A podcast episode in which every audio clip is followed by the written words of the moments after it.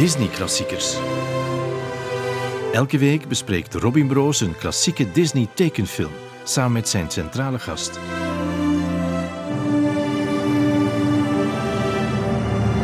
Voilà, ik ben aan het opnemen, dus Robin, eh, jij moet het nemen. Hè. Het is jouw podcast. Het is jouw podcast. Ja, het is uw podcast, hè. Nee, maar ik zit hier zo aan de, in de cockpit, maar ik... eh, Nee, nee, nee, ja. Welkom in de 46e aflevering van Disney Klassiekers. Een bijzondere aflevering, want ik mag die opnemen in een studio van Q Music. Het is een beetje onwennig in het begin, omdat het zo allemaal veel professioneler is dan ik gewoon ben. Maar goed, eh, ik ben hier wel in goede handen. Want er zitten hier bij mij twee radiobeesten, twee vroege vogels en ook twee knuffelcontacten, al van lang voordat een ding was. Aan de ene kant Vincent van Geel, presentator van het programma dat jouw naam draagt, Vincent van Geel. Exact. Elke dag tussen 4 en 6. En dan bedoel ik niet het schappelijke 4 en 6, maar het compleet ontiegelijk vroege 4 en 6. Er is niemand anders in de media die zo vroeg opstaat als ik. Dat is echt zo. Nee, dat denk ik ook wel. En jij drinkt geen koffie. Hoe Nee. hou je het vol? Eh, ja, hoe hou ik het vol? Ik, ik heb geen idee. Ik weet niet hoe ik het volhoud. Om, door het graag te doen. Dat is echt, dat is wel zo. Dat is mooi. En Ja. luistert er ook iemand op dat uur? Eh, vreemd genoeg, heel veel mensen. Meer mensen dan je zou denken. Dat zijn allemaal dat zijn bakkers en beenhouwers en truckers. eh, verpleegkundigen die s'nachts werken. Ze zijn allemaal mensen die vaak alleen werken. Dus ik, ik, heb zo, ik ben vaak hun enige collega. En dat wil ik ook graag zijn zo. De collega van alle truckchauffeurs in Vlaanderen. Die allemaal al- alleen zitten in hun vrachtwagen. En ik ben op de radio. En ze kunnen naar mij bellen. En ik bel eens een keer naar hen. En we praten eens een keer. En hij drinkt een koffie. En zij drinkt een koffie. En ik dan niet. Maar ik drink dan iets anders. En waarover Waar? praten jullie dan wel over? Eh, welke tattoo heb je recent laten zetten? Ja, dat soort dingen. Maar er is ook over de actualiteit praten we ook. En over waarom zijt je al wakker en wat gaat je nu doen vandaag en dat soort dingen. Het is eigenlijk altijd wel heel plezant. Want er zijn heel veel toffe mensen die mij elke dag verrassen met, met een heel graaf verhaal over waarom ze weer wakker zijn. En als het dan geen pandemie is, dan zijn er ook vaak studenten nog wakker om vier uur. Zeker op een donderdagavond of een vrijdagochtend dan. Ah ja, zo. En die, die bellen dan ook. En dan is al lachen, lachen, lachen, lachen, lachen. Want we zijn op de radio, maar dat is heel tof. Oké, het klinkt als een combinatie van serieus en zattigheid. Ja, dat is het. Exact. dat, dat wordt de baseline vanaf volgend seizoen. Prachtig. Aan de andere kant, Dorothee Douwe, presentatrice van Maarten en Dorothee. Ook een programma dat toch wel een beetje jouw naam De draagt. helft, hè. Ja. Ja. Jij, jij neemt eigenlijk over van Vincent om zes uur, maar jij mag er dan wel meteen vier uur van maken. Ja, ja, exact. Maar we zijn ook met twee, hè, Maarten en ik. Dus vandaar kunnen we dat wel vier uur vol Jij babbelen. hebt een team. Er staan nog 27 mensen achter de schermen mee te werken. Eh, ja, vier eigenlijk. Maar nee, het is wel waar. Vincent is wel echt helemaal alleen, alleen. En, ik en, ben hier ook helemaal alleen in het gebouw. Hè. Ja, Dat is wel heel cool, hè? want ik kom hier dan toe om half vier. En alleen de nachtwaker is er ook. That's it. Voor de rest is het een redelijk groot gebouw. Hè. Eh, en ik ben hier alleen. En de nachtwaker luistert die dan ook? Of ja, die, hij die kan niet anders, omdat Ah, ja. Q staat fixed op in de, aan de receptie. Die, vreselijk. je krijgt Arme dat niet af. arme ja, ja, man. ja, dat is echt- je moet luisteren. toch wel één luisteraar, daar ben je dan wel zeker van. Ehm, en maar jullie gaan binnenkort, want ja, eigenlijk voor wie het nog niet helemaal zou doorhebben, jullie zijn in het echte leven ook gewoon een koppel. Ja. Maar, maar zien jullie elkaar dan nog? Want jullie wisselen elkaar hier af, aflossing van de wacht. Meer dan vroeger eigenlijk. Want Ja. we hebben vroeger al tegengestelde shifts gehad. Al één iemand 's ochtends en één iemand 's avonds. Maar nu zit het zo ja, ongeveer rond hetzelfde tijdstip wel. En eh, dat komt heel goed uit. In de namiddag zijn wij samen thuis. Wij eten lekker vroeg om vijf uur, zoals dat mensen. En dan gaan wij ook heel vroeg rond eh, half acht slapen samen. Dus het is eigenlijk bijna de eerste keer ooit dat onze shiften zo goed allee, op elkaar zijn afgestemd. Of ja, het is Ja. niet bewust natuurlijk, maar zo goed toevallig overeenkomen eigenlijk. Ja, het is, maar het is niet dat jij met hem mee opstaat. Eh, nee, ik blijf nog even liggen. Heel even nog. Een half uur, drie kwartier. Zo. Ja, zoiets. En binnenkort gaan jullie ook samen presenteren. Dat moet de eerste keer ooit zijn. Ja, Zo. wij hebben, wij hebben nog nooit samen gepresenteerd. We zijn eh, nu elf jaar samen. Ik heb wel vroeger nog nieuws gelezen soms bij u of zo. Maar Dat is waar. Je hebt ook nog wel achter de schermen aan mijn programma gewerkt. Toen je wel nog mensen had. Toen ik nog mensen, toen ik nog een ja, team maar had. toen heb ik tegen iedereen gezegd, valt niet mee te werken, nooit doen. Eh, maar het is wel de eerste keer dat we nu samen effectief als twee presentatoren of twee radio Samen een programma gaan maken. hè. programma maken. Ja. En dat zal zijn vanaf 16 augustus. Omdat Maarten, waarmee Dorothee normaal gezien een programma maakt, de ochtendshow van Q-Music Die heeft voortgeplant. Die heeft voortgepland voor de derde keer alweer. En die heeft vaderschapsverlof. En het is eigenlijk super tof. Eigenlijk zijn de reacties nu al heel leuk. Van, want het is ook de eerste keer dat ik me kan herinneren, zowel in Vlaanderen en ik denk ook in Nederland, dat een koppel samen een, een dagelijks programma gaat presenteren. Wat niet zo'n gelegenheidskoppel is omdat het Valentijn is, toevallig of zo. Maar dat dat effectief een ochtendshow is. Kan dus alleen maar tegenvallen eigenlijk. Ja, het is, het is een Want de experiment. verwachtingen Ja. zijn er wel. Het is een Het is een experiment. experiment, ja. Ja, jullie kunnen eigenlijk nu al een beetje proefdraaien en probeer vooral ook zo het, het, eh, de huishoudelijke discussies ook in de podcast te steken. Zeker. Zo'n dingen zijn altijd leuk. Hè? Dat is goed. Ja, dat is goed. Laten we gewoon voor de podcast dan eh, beginnen bij het begin. Zijn jullie Disney-fans? Ik ga beginnen met jou. Ja, zeker. Ja, ja.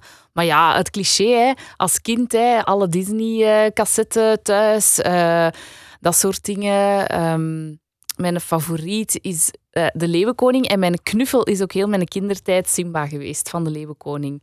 Eh, Was dat dan ook de eerste die je gezien hebt? Kan je dat nog herinneren? Zo de eerste keer naar de bioscoop gaan? wat ik me echt... Ik weet niet of het een eerste was, maar wat ik mij herinner is dat ik Lady en de Vagebond heel vaak heb gezien. Oké. Eh, ja, en we gingen die ook altijd opnieuw. Dat was heel raar, want wij hadden thuis heel veel Disney-cassetten. Maar Lady en de Vagebond gingen wij dan om een of andere reden, reden lenen bij een vriend van mijn vader of zoiets. En die gingen wij ook altijd opnieuw lenen. Dus wij zijn die tien keer gaan lenen. Wat dus achteraf bekeken bizar is, want we hadden die ook gewoon kunnen kopen. Maar Maar, Ja, maar dat was we, wel- hebben, we hebben die live-action nog niet gezien. Hè? Die staat op Disney+. ah, ja, nee. Dat is iets om vanavond te doen misschien. Ja? Voilà. Maar dat, ja, ik herinner mij ook wel als kind, zo de, de, wij hadden ook heel veel videocassettes, maar degene dat je dan zo niet hebt, die zijn op een of andere manier zo toch nog specialer. Als je dan bij vriendjes waart en die hadden een video die dat wij thuis niet hadden, dan, dan wil je Ja. dus die video zien, want ja, zo cool. Ik had dat ook met Frank en Vrij. Ja. Ja, hadden wij niet. ja, dat is nu ook niet de meest bijzondere of zo, maar ja. Mythisch. De mythische film. Zo, eh, Ja, Wat gebeurt daar bij Frank? Ja. Hoe was dat bij jou, Vincent? Eh, ik, ik ben ook een hele grote Disney-fan.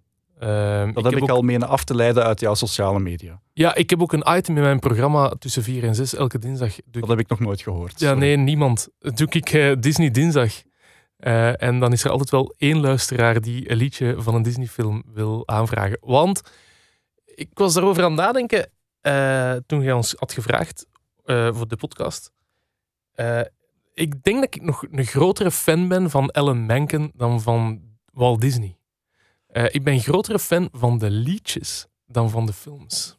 Dat is mooi uitgelegd. Ja. En eh, vandaar de film waarover het in deze podcast in aflevering 46 gaat. Daar zit ook zo'n geweldige muziek in. Ja, want ik moet misschien een beetje uitleggen hoe ik bij jullie ben terechtgekomen. Omdat ik uit sociale media had afgeleid dat Vincent wel iets, iets meer heeft met Disney dan de modale, ehm, in de media werkende Vlaming. Ja. ik weet het zelf niet. Eh, had, ik, had ik jullie als, als duo al lang op mijn lijstje gezet, maar ik had er nooit een idee van waar ga ik ze voor vragen. En nu kwam ik chronologisch, want ik doe de films chronologisch uit bij de film Enchanted. En ik was me aan het afvragen, is het eigenlijk wel een Disney-klassieker? Als ik er niemand voor vind, ga ik hem gewoon negeren. Mm. Maar dan heb ik een, een search gedaan op mijn Twitter en kwam ik op het volgende berichtje uit. Oh, het is vanavond Enchanted op tv. En dan tussen sterretjes, dus dan weet je dat het een soort van geluidje is dat iemand probeert na te bootsen. Gilt als een klein meisje met dan een geweldige gif van eh, Amy Adams. Ja, dat was een tweet van Dorothee. Hè? nee, nee, nee, nee. nee. Sorry Vincent, bij deze publiekelijk geshamed. Ik weet het. Het is eh, een tweet van vier jaar geleden, maar dan nog, het internet Ah. heeft geen geheimen. Nee, maar dat is wel waar. Dat is wel een film dat toen ik die voor de eerste keer zag. Maar ik denk dat dat eh, een deel van de geschiedenis van Disney ook is. Dat was een film die uitgekomen is 2007, 2008. 2007? Disney had een paar vreemde jaren achter de rug. Hè. Het de renaissance van de 90s was gedaan. En... Amai, het is Ja. met chique woorden, met Ja, maar dat renaissance is en wel al. ik... Ik dacht, we gaan Ja, gewoon zo'n beetje babbelen over Sneeuwwitje en al, maar... Donkere postrenaissance terecht met Ja. draken van films. Exact. En dan kwam deze film, Maar zoals, wat is dan zo een draak van de, van de renaissance? Chicken Little, Ah, oké, ja, ja, ja. ja. bijvoorbeeld. Ja, Home on the maar Range. één van de... Oh, man, ja, ja, Paniek op de prairie. Ja. Ja. Ah, ja, ja, ja, oké. The Wilds. Die heb ik volledig verbannen uit de kanon. Die ken ik zelfs niet eens. Die ken ik ook niet. Ja, Dus wat ik aan het zeggen was, is dat, dat we uit de, de succesrijke jaren 90 kwamen. Hè. Eh, want dan moet ik uitleggen waardoor. Je- Dat weet je toch, de jaren 90 waren. Ja, ja, tuurlijk. Wat ik heel straf vind, hè, want de jaren 90, Walt Disney zelf was al lang overleden. Walt Disney zelf heeft al die films, de, de grote klassiekers, nooit meegemaakt. Dat is zot Je heeft geen hè, idee ja. van Bellen en Beest. Dat was een paar jaar geleden, is dat zo neergedaald in mijn hoofd, van die, die gedachte. En ik, ik dacht, oh man, De Dat hemel toch- viel neer. Wat is er gebeurd? ja, maar dat is toch Wat straf. een inzicht. De, de gast die zo, zoveel mensen beïnvloedt, weet, weet gewoon niks over The Lion King. Die heeft dat nooit geweten. Dat idee was er waarschijnlijk zelfs niet eens om, om daar een film over te maken. Maar dus, en dan waren het dan die, die donkere periode met die slechte films. En dan kwam Enchanted. En ik denk, ik kan het me niet goed meer herinneren, maar ik denk dat ik hem in de cinema gezien heb. Ehm, wat eigenlijk een parodie is op de tekenfilms van nog voor, eh, vooral nog voor de jaren 90. Eh, vooral Osse, Assepoester en Doornroosje. Maar eigenlijk ook een heel mooie ode is aan al die films. En ik denk dat het daarom was dat ik echt eh, ehm, ja, onder de indruk was van die film. En eindelijk nog eens een keer een tekenfilm. Of een stuk. Het is Ja, zo een kwartier in totaal animatie, echt met de hand getekend. Geen eh, computeranimatie. Want daar wel, ik vond dat super erg toen Disney aankondigde. Wij schrappen onze tekenafdeling. Vanaf nu is het alleen nog maar computeranimatie. Vond ik super erg. Ik herinner me dat nog heel goed. En dan was er plots een film waarin dat... Ook, het rankt hier Dat zo is zo ineens een een allemaal, hè? Maar nee, maar dat is echt... Ik ben blij dat ik het eens tegen iemand kan vertellen die er ook Maar je hebt dat veel te lang voor jezelf gehad, jongen. En ik was zo blij dat er dan een film was. wordt iemand anders vanaf nu. Hè. Je gaat Ja, dat merken de wel, komende eh. dagen. Er is hier een last van je Wat heb schouders je gevallen. gedaan? Ik was blij dat er nog eens een film was die begon getekend. Ja. En dat gaf mij hoop. Zo van, ah, misschien is het toch nog niet te laat. Er zijn er toch nog mensen die dat kunnen. Dus- Maar het is absoluut waar wat je zegt. Ik vind, ik vind dat de film er zo bijna intrickt. Zo, ehm, het opent hè, vanuit het, nieuwe Disney-logo, wat dan CGI is. Maar dan eh, zoomen we terug helemaal in naar het kasteel. We gaan naar het raam. We zien daar dan plots hè, handgetekend een boek liggen. Plots komen daar dan ook zo, komt daar Walt Disney Pictures Presents. Echt zoals een bijna parodie of, of, of een, of een goede kopie van hoe dat in, in Doornroosje in der tijd gebeurt. Exact, het boek, hè. Het boek met het sprookje in. En dan Ja. is er, ik denk, Julie Andrews. Ja, Die, eh, Mary Poppins. ja, die vertelt, wat ook al zoiets is van, dat is iemand van vroeger, iemand die echt een ster is geweest. Die vertelt het, het verhaal voor het begon, zo de geschiedenis. Die Ja. je moet hebben. En intussen horen we op de achtergrond ehm, ja, muziek natuurlijk. En die muziek is de hele tijd zo... Ja, er zit geen tekst in, er zit wel een koor op. En die zingen de hele tijd zo... Ah, de hele tijd zoiets. Ja, ja, ja, ja, ja. Want je zegt dan Alan Menken, ja, die heeft dan wel de muziek voor deze film gemaakt, maar die maakte nooit dat soort van stukken. Die heeft gewoon heel goed geluisterd naar hoe zijn die films vroeger gemaakt. Ehm, Cinderella, Sleeping Beauty. En daar zit altijd zoiets in. Ja, ja. Dat is, en, en die eerste tien minuten van die film en het getekende stuk, want daarna wordt het dan live action. Ik vind dat de beste minuten van heel de film. Ook al komt er nadien, want het is een waanzinnige film achteraf ook nog. Ja, dus Omdat het is nog- een, voor de duidelijkheid een hybride film zoals Mary Poppins Ja. of zoals Roger Rabbit. Hoe Framed Roger Rabbit, wat, wat eh, Lecter heeft dat bij u in, in de podcast over verteld, hè, ook een geweldige film is. Maar daar is het eigenlijk nog straffer, omdat daar de, de, de acteurs echt in, in communicatie gaan met de tekenfilmfiguren. Ja. Dat heb je in deze film eigenlijk veel minder. Het is meer gescheiden. Je hebt de tekenfilmwereld en de echte wereld. En die twee eh, leven eigenlijk naast elkaar. Want van zodra er een tekenfilmfiguur naar de echte wereld wordt getransformeerd, Ja. verandert die ook helemaal in een echt persoon. Hè? Ja. Dan wordt eh, Giselle opeens ook Amy Adams. Ja, ja, ja, ja. Ja. Het mooie is, er is één personage die wel getekend blijft in de echte wereld. Dat is dan de, de koningin, de, de boze stiefmoeder, die af en toe kan verschijnen in, in water. Ja, En er is zo'n prachtig moment waar ze drie vergiftigde appels vanuit haar getekende wereld naar de echte wereld stuurt. En die komen ja, naar boven door de zwaartekracht in een, in een pot met soep, denk ik. Eh, ja, ja, ja, want dat daar staat... ver, dat weet ik niet Nee, meer. Nathaniel staat er dan bij. Die zit in een keuken of zo. En daar komen die appels boven. Ja. Ja, ja, maar je ja, ziet ja. haar die met een getekende hand zo naar boven sturen en dan komen die echt naar boven Ja. en dan trekt ze ze nog eens terug. En Ja. ja, dat, Exact. De magie tussen live action en animatie is dan Heel echt goed gedaan, hè? Ja, is heel goed gedaan, ja. Ja. En dat is, ik denk dat dat voor mij ook belangrijk is waarom dat dit een goede film is.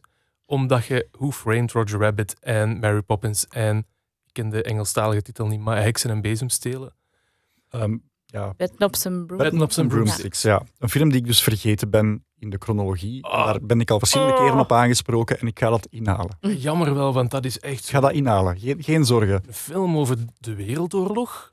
Maar dat heb je is- als kind niet door. Nee, hè? die is als super kind denkt en wat is dat einde. met die soldaten ineens? En wat is dat? Ja. de. Duitsers vallen Groot-Brittannië binnen Je hebt eigenlijk. totaal niet door dat dat over de oorlog gaat. En kind. al die Duitsers zijn in de Duitse versie er ook uitgeknipt. Is dat Heel zo? grappig. Is dat zo? Ja, ja, dus ah, dat wist ik Duitsland niet. is die film veel korter. Wow! Nu, de versie die ik heb gezien was ook veel korter, want mijn grootouders waren ook te laat om op opnemen te duwen. Ah. Dus ik heb een heel groot stuk van de inleiding ook nooit gezien. En ik heb pas veel later zo een stuk gezien dat ik dacht, tja, is dat dezelfde film? Ik heb dat nog nooit gezien. Ja, schitterend. Ik vind het wel frappant, Vincent, wat je zojuist zei over hoe dat die film voor jou is. Is ook exact zoals de regisseur het omschreef destijds, Kevin Lima, die zei het moet deels een parodie zijn op oude sprookjesfilms en aan de andere kant moet het ook een gigantische liefdesbrief zijn aan de Disney Alright, classics. dat wist ik niet. Dus dat is echt, dan is hem daar wel in geslaagd. Ja, of jij hebt, daar, jij hebt goed je huiswerk gedaan en hebt nu even gedaan alsof de mooie Nee, woorden niet. van Kevin Lima de jouwe zijn. Helemaal niet, want ik heb nog nooit gehoord van Kevin Lima. Of, eh, ah, dat is dan, maar ik, dat vind ik wel. En dat was, maar dat was waarom dat ik zo onder de indruk was van deze film. Eh, Eigenlijk wat ik daarnet al zei. Gewoon ge- nog eens een echte film waarvan dat ik onder de indruk was. Met magie. Want Bolt is een goede film, maar dat is geen sprookje. Dat is geen magie. Daar is niks wat mij kippenvel bezorgde of zo op een manier. Dus jij hebt het dan ook minder voor een Wreck-It Ralph of een Big Hero 6 en meer voor een Frozen en Tangled? Ja, eh, wat misschien niet Of is dat zo niet zo- mannelijk is om te Ja, ik dacht, het is misschien niet zo cool om je Erg, toe te geven. Eh, Ik ga het vragen aan Dorothee, want jij gaat meer weten wat zijn smaak maar- is. Alles met echt prinsessen gilt als een gewoon. klein meisje. Prinsessen, glitters, rozen, eh, kastelen, als het dat maar heeft. Maar ja, is dat ook niet eh, ja, logisch voor zo de liefde en zo? Eh, we hebben nu net nog die eh, Luca, is het zeker, hè? Een van Ja. die meest recente. Ja, dat is zo'n simpel verhaal eigenlijk. het jongetje dat allee, ja, eh, onder water leeft, maar als hem op het land komt, een jongetje wordt eigenlijk. Ja, kei mooi verhaal en dat is emotioneel. Maar dat raakt nooit zo hard als zo, ah, de liefde. De liefde is toch zo schoon en zo, ah, die vinden elkaar. En dat is in, in, ja, in de film waarover dat we het hebben ook gewoon zo. Hè. Uiteindelijk vindt iedereen dan toch de liefde. Giselle komt dan bij een andere prins terecht. En de prins vindt ook een nieuwe prinses. En het is, ja, ik weet het niet. Is dat niet gewoon wat dat het hardste raakt of zo? Maar voor mij is dat wat ik daar straks zei. Voor mij heeft dat te maken met de muziek. En dat dan een musical is. En dat je, ik, ik wist het eigenlijk van mezelf niet, maar ik ben nogal een musical fan, blijkbaar. Is dat ook een ontdekking van dit moment? Want dan wordt het wel een hele eh, moeilijke dag voor jou. Nee, nee het, is geen, het is geen ontdekking van dit moment, maar ik heb het wel voor die eh, klassieke, magische Disney-films. Dat, ik vind dat wel tof. Want ik heb zo, eh, als ik dan toch dingen aan toegeven ben. We hebben de film eh, gisteren herbekeken. En eh, ik heb wel even geweend. Zo, eh, Na vijf minuten al of ja, zo. Maar dat ja. is dus effectief. Maar Echt, ik ben, I've been dreaming of... En dat is nog niet eens zo emotioneel. Nee, maar dat is gewoon waarom dat ik mooi. dat juist zei. De eerste tien minuten zijn het geweldigst. Want echt met een trillende lip ook begin- echt. Hè. Echt zoals een kindje zo. Zo'n beetje onderdrukken. Zo. Ah, heel schoon. Vanaf het begin wordt daar eigenlijk, het, wat mij betreft, een van de, of wel zelfs het beste nummer dat Ellen Menken ooit van, van een Disney-film geschreven heeft. Namelijk A True Love's Kiss. Zit in het begin van de film al. Dat is, de, dat is het openingsnummer en dat, dat thema wordt ook meegenomen door heel de film. Ja. Maar je hebt dat dan eerst, eerst heel liefelijk, hè? Giselle die dat zingt. ah, En dan komt de prins, de prins en die, want je zou kunnen zeggen van, ah, dit gaat weer over een prinses die thuis zit, opgesloten zit en die als enige doel heeft trouwen met een man die haar zal beschermen. Maar dan komt de prins en die zingt ook hetzelfde. Die zingt ook van I've been dreaming of a true love. En dan is er van, ah, oké, maar goed, dus de prins wil dus ook de prinses vinden. En dat vond ik al wel iets anders dan een soort van Assepoester en door een roosje Ah. die gewoon zaten te wachten op hun Ik prins. vind dat je ook heel snel zowel de humor van de film heel, heel snel voelt. Hè. De prins die echt eigenlijk zo'n beetje een blaas is en zo'n beetje... Dat, dat is ook heel, heel snel. Hè. Bij een doornroosje en zo is dat echt de, de perfecte man, hè, de prins. En hier... Personages zijn vlakker, hè? Eh, ja, Doornroosje. en, en inderdaad, de prins hier is van in het begin al direct zo wat... Maar jij zegt veel. Allee, zo. Het zet eigenlijk wel de toon voor wat Disney sindsdien heel vaak doet. Namelijk zowel zelfkritisch, zelfs, zelfs spottend zijn. En dat, dat werkt altijd. Hè. Allee, dat werkt met heel veel dingen. Een, een comedian die met zijn eigen lacht, of in een, een serie die een beetje met zich, zichzelf lacht of zo. Ik, ja, dat is zo heel ontwapenend. Hè. Als je dat voelt van, ah, ze zijn een beetje met hun eigen stijl aan het lachen. Dat is Ja, heel tof. En dat is toffer van- dan dat iemand anders daarmee lacht. Dat bedoel ik Tuurlijk, want eigenlijk. dat is gemakkelijk. Dat is maar als je het zelf durft toegeven Ja. van, ja, we zijn er ook niet blind voor dat Voilà. heel veel mensen dat maar cheesy vinden. Ja. Dus maken we er zelf maar een grap over. Ja. Ik denk ook dat Door een Roosje en Assepoester en Sneeuwwitje waren altijd brave meisjes. Er was op geen enkel moment in die films, als ik het me goed herinner, was er een moment waarop zij zelf heel stoer of zelf de heldin wilde zijn. Mhm. Dat is dan achteraf wel veranderd. De, de kleine zeemermin heeft dat wel, die is wel nieuwsgierig en die wil wel rebelleren tegenover haar vader. En Jasmine in Aladdin heeft dat ook, maar nog altijd heel weinig. Het is pas nadien met vooral Pixar-films waarin dat echt veranderd is. Maar in dit geval heeft Giselle in het begin is dat een hele brave, maar nadien heeft zij wel eens de overtuiging van ik moet hier het beste van maken, want ik ben eh, getransporteerd naar een andere wereld en ik moet het hier nu gaan zien te doen. Eh, wat ik heel schoon vind, want het is, het is een ode, maar tegelijkertijd een parodie en wel een verbetering op en een hedendaagse... Misschien gebruik ik heel dure woorden, maar dat... Dat mag. En, Dat mag. Het is een eh, podcast voor de Ah. Disney meerwaardezoeker. Oh ja, ja oké, oké, oké. dat is goed. En opnieuw heb je, eh, ja, nee, het is niet helemaal waar, maar Kevin Lima, de, de regisseur waar je tot op heden... Maar je zou beginnen denken dat ik eh, een biografie heb gelezen over Ja. Kevin Lima. Maar dat Die had het omschreven als Giselle is eigenlijk voor 80% Sneeuwwitje en de rest is zowat een kruising tussen Assepoester en Doornroosje, met dan wel de spark van Ariel, namelijk zo toch wel, ook wel een beetje rebels willen zijn. En zo wat meer pit hebben of zo. Of een Ja, beetje ja. meer haar eigen willeke. Of ik vind dat we het zo moeten doen. Ja.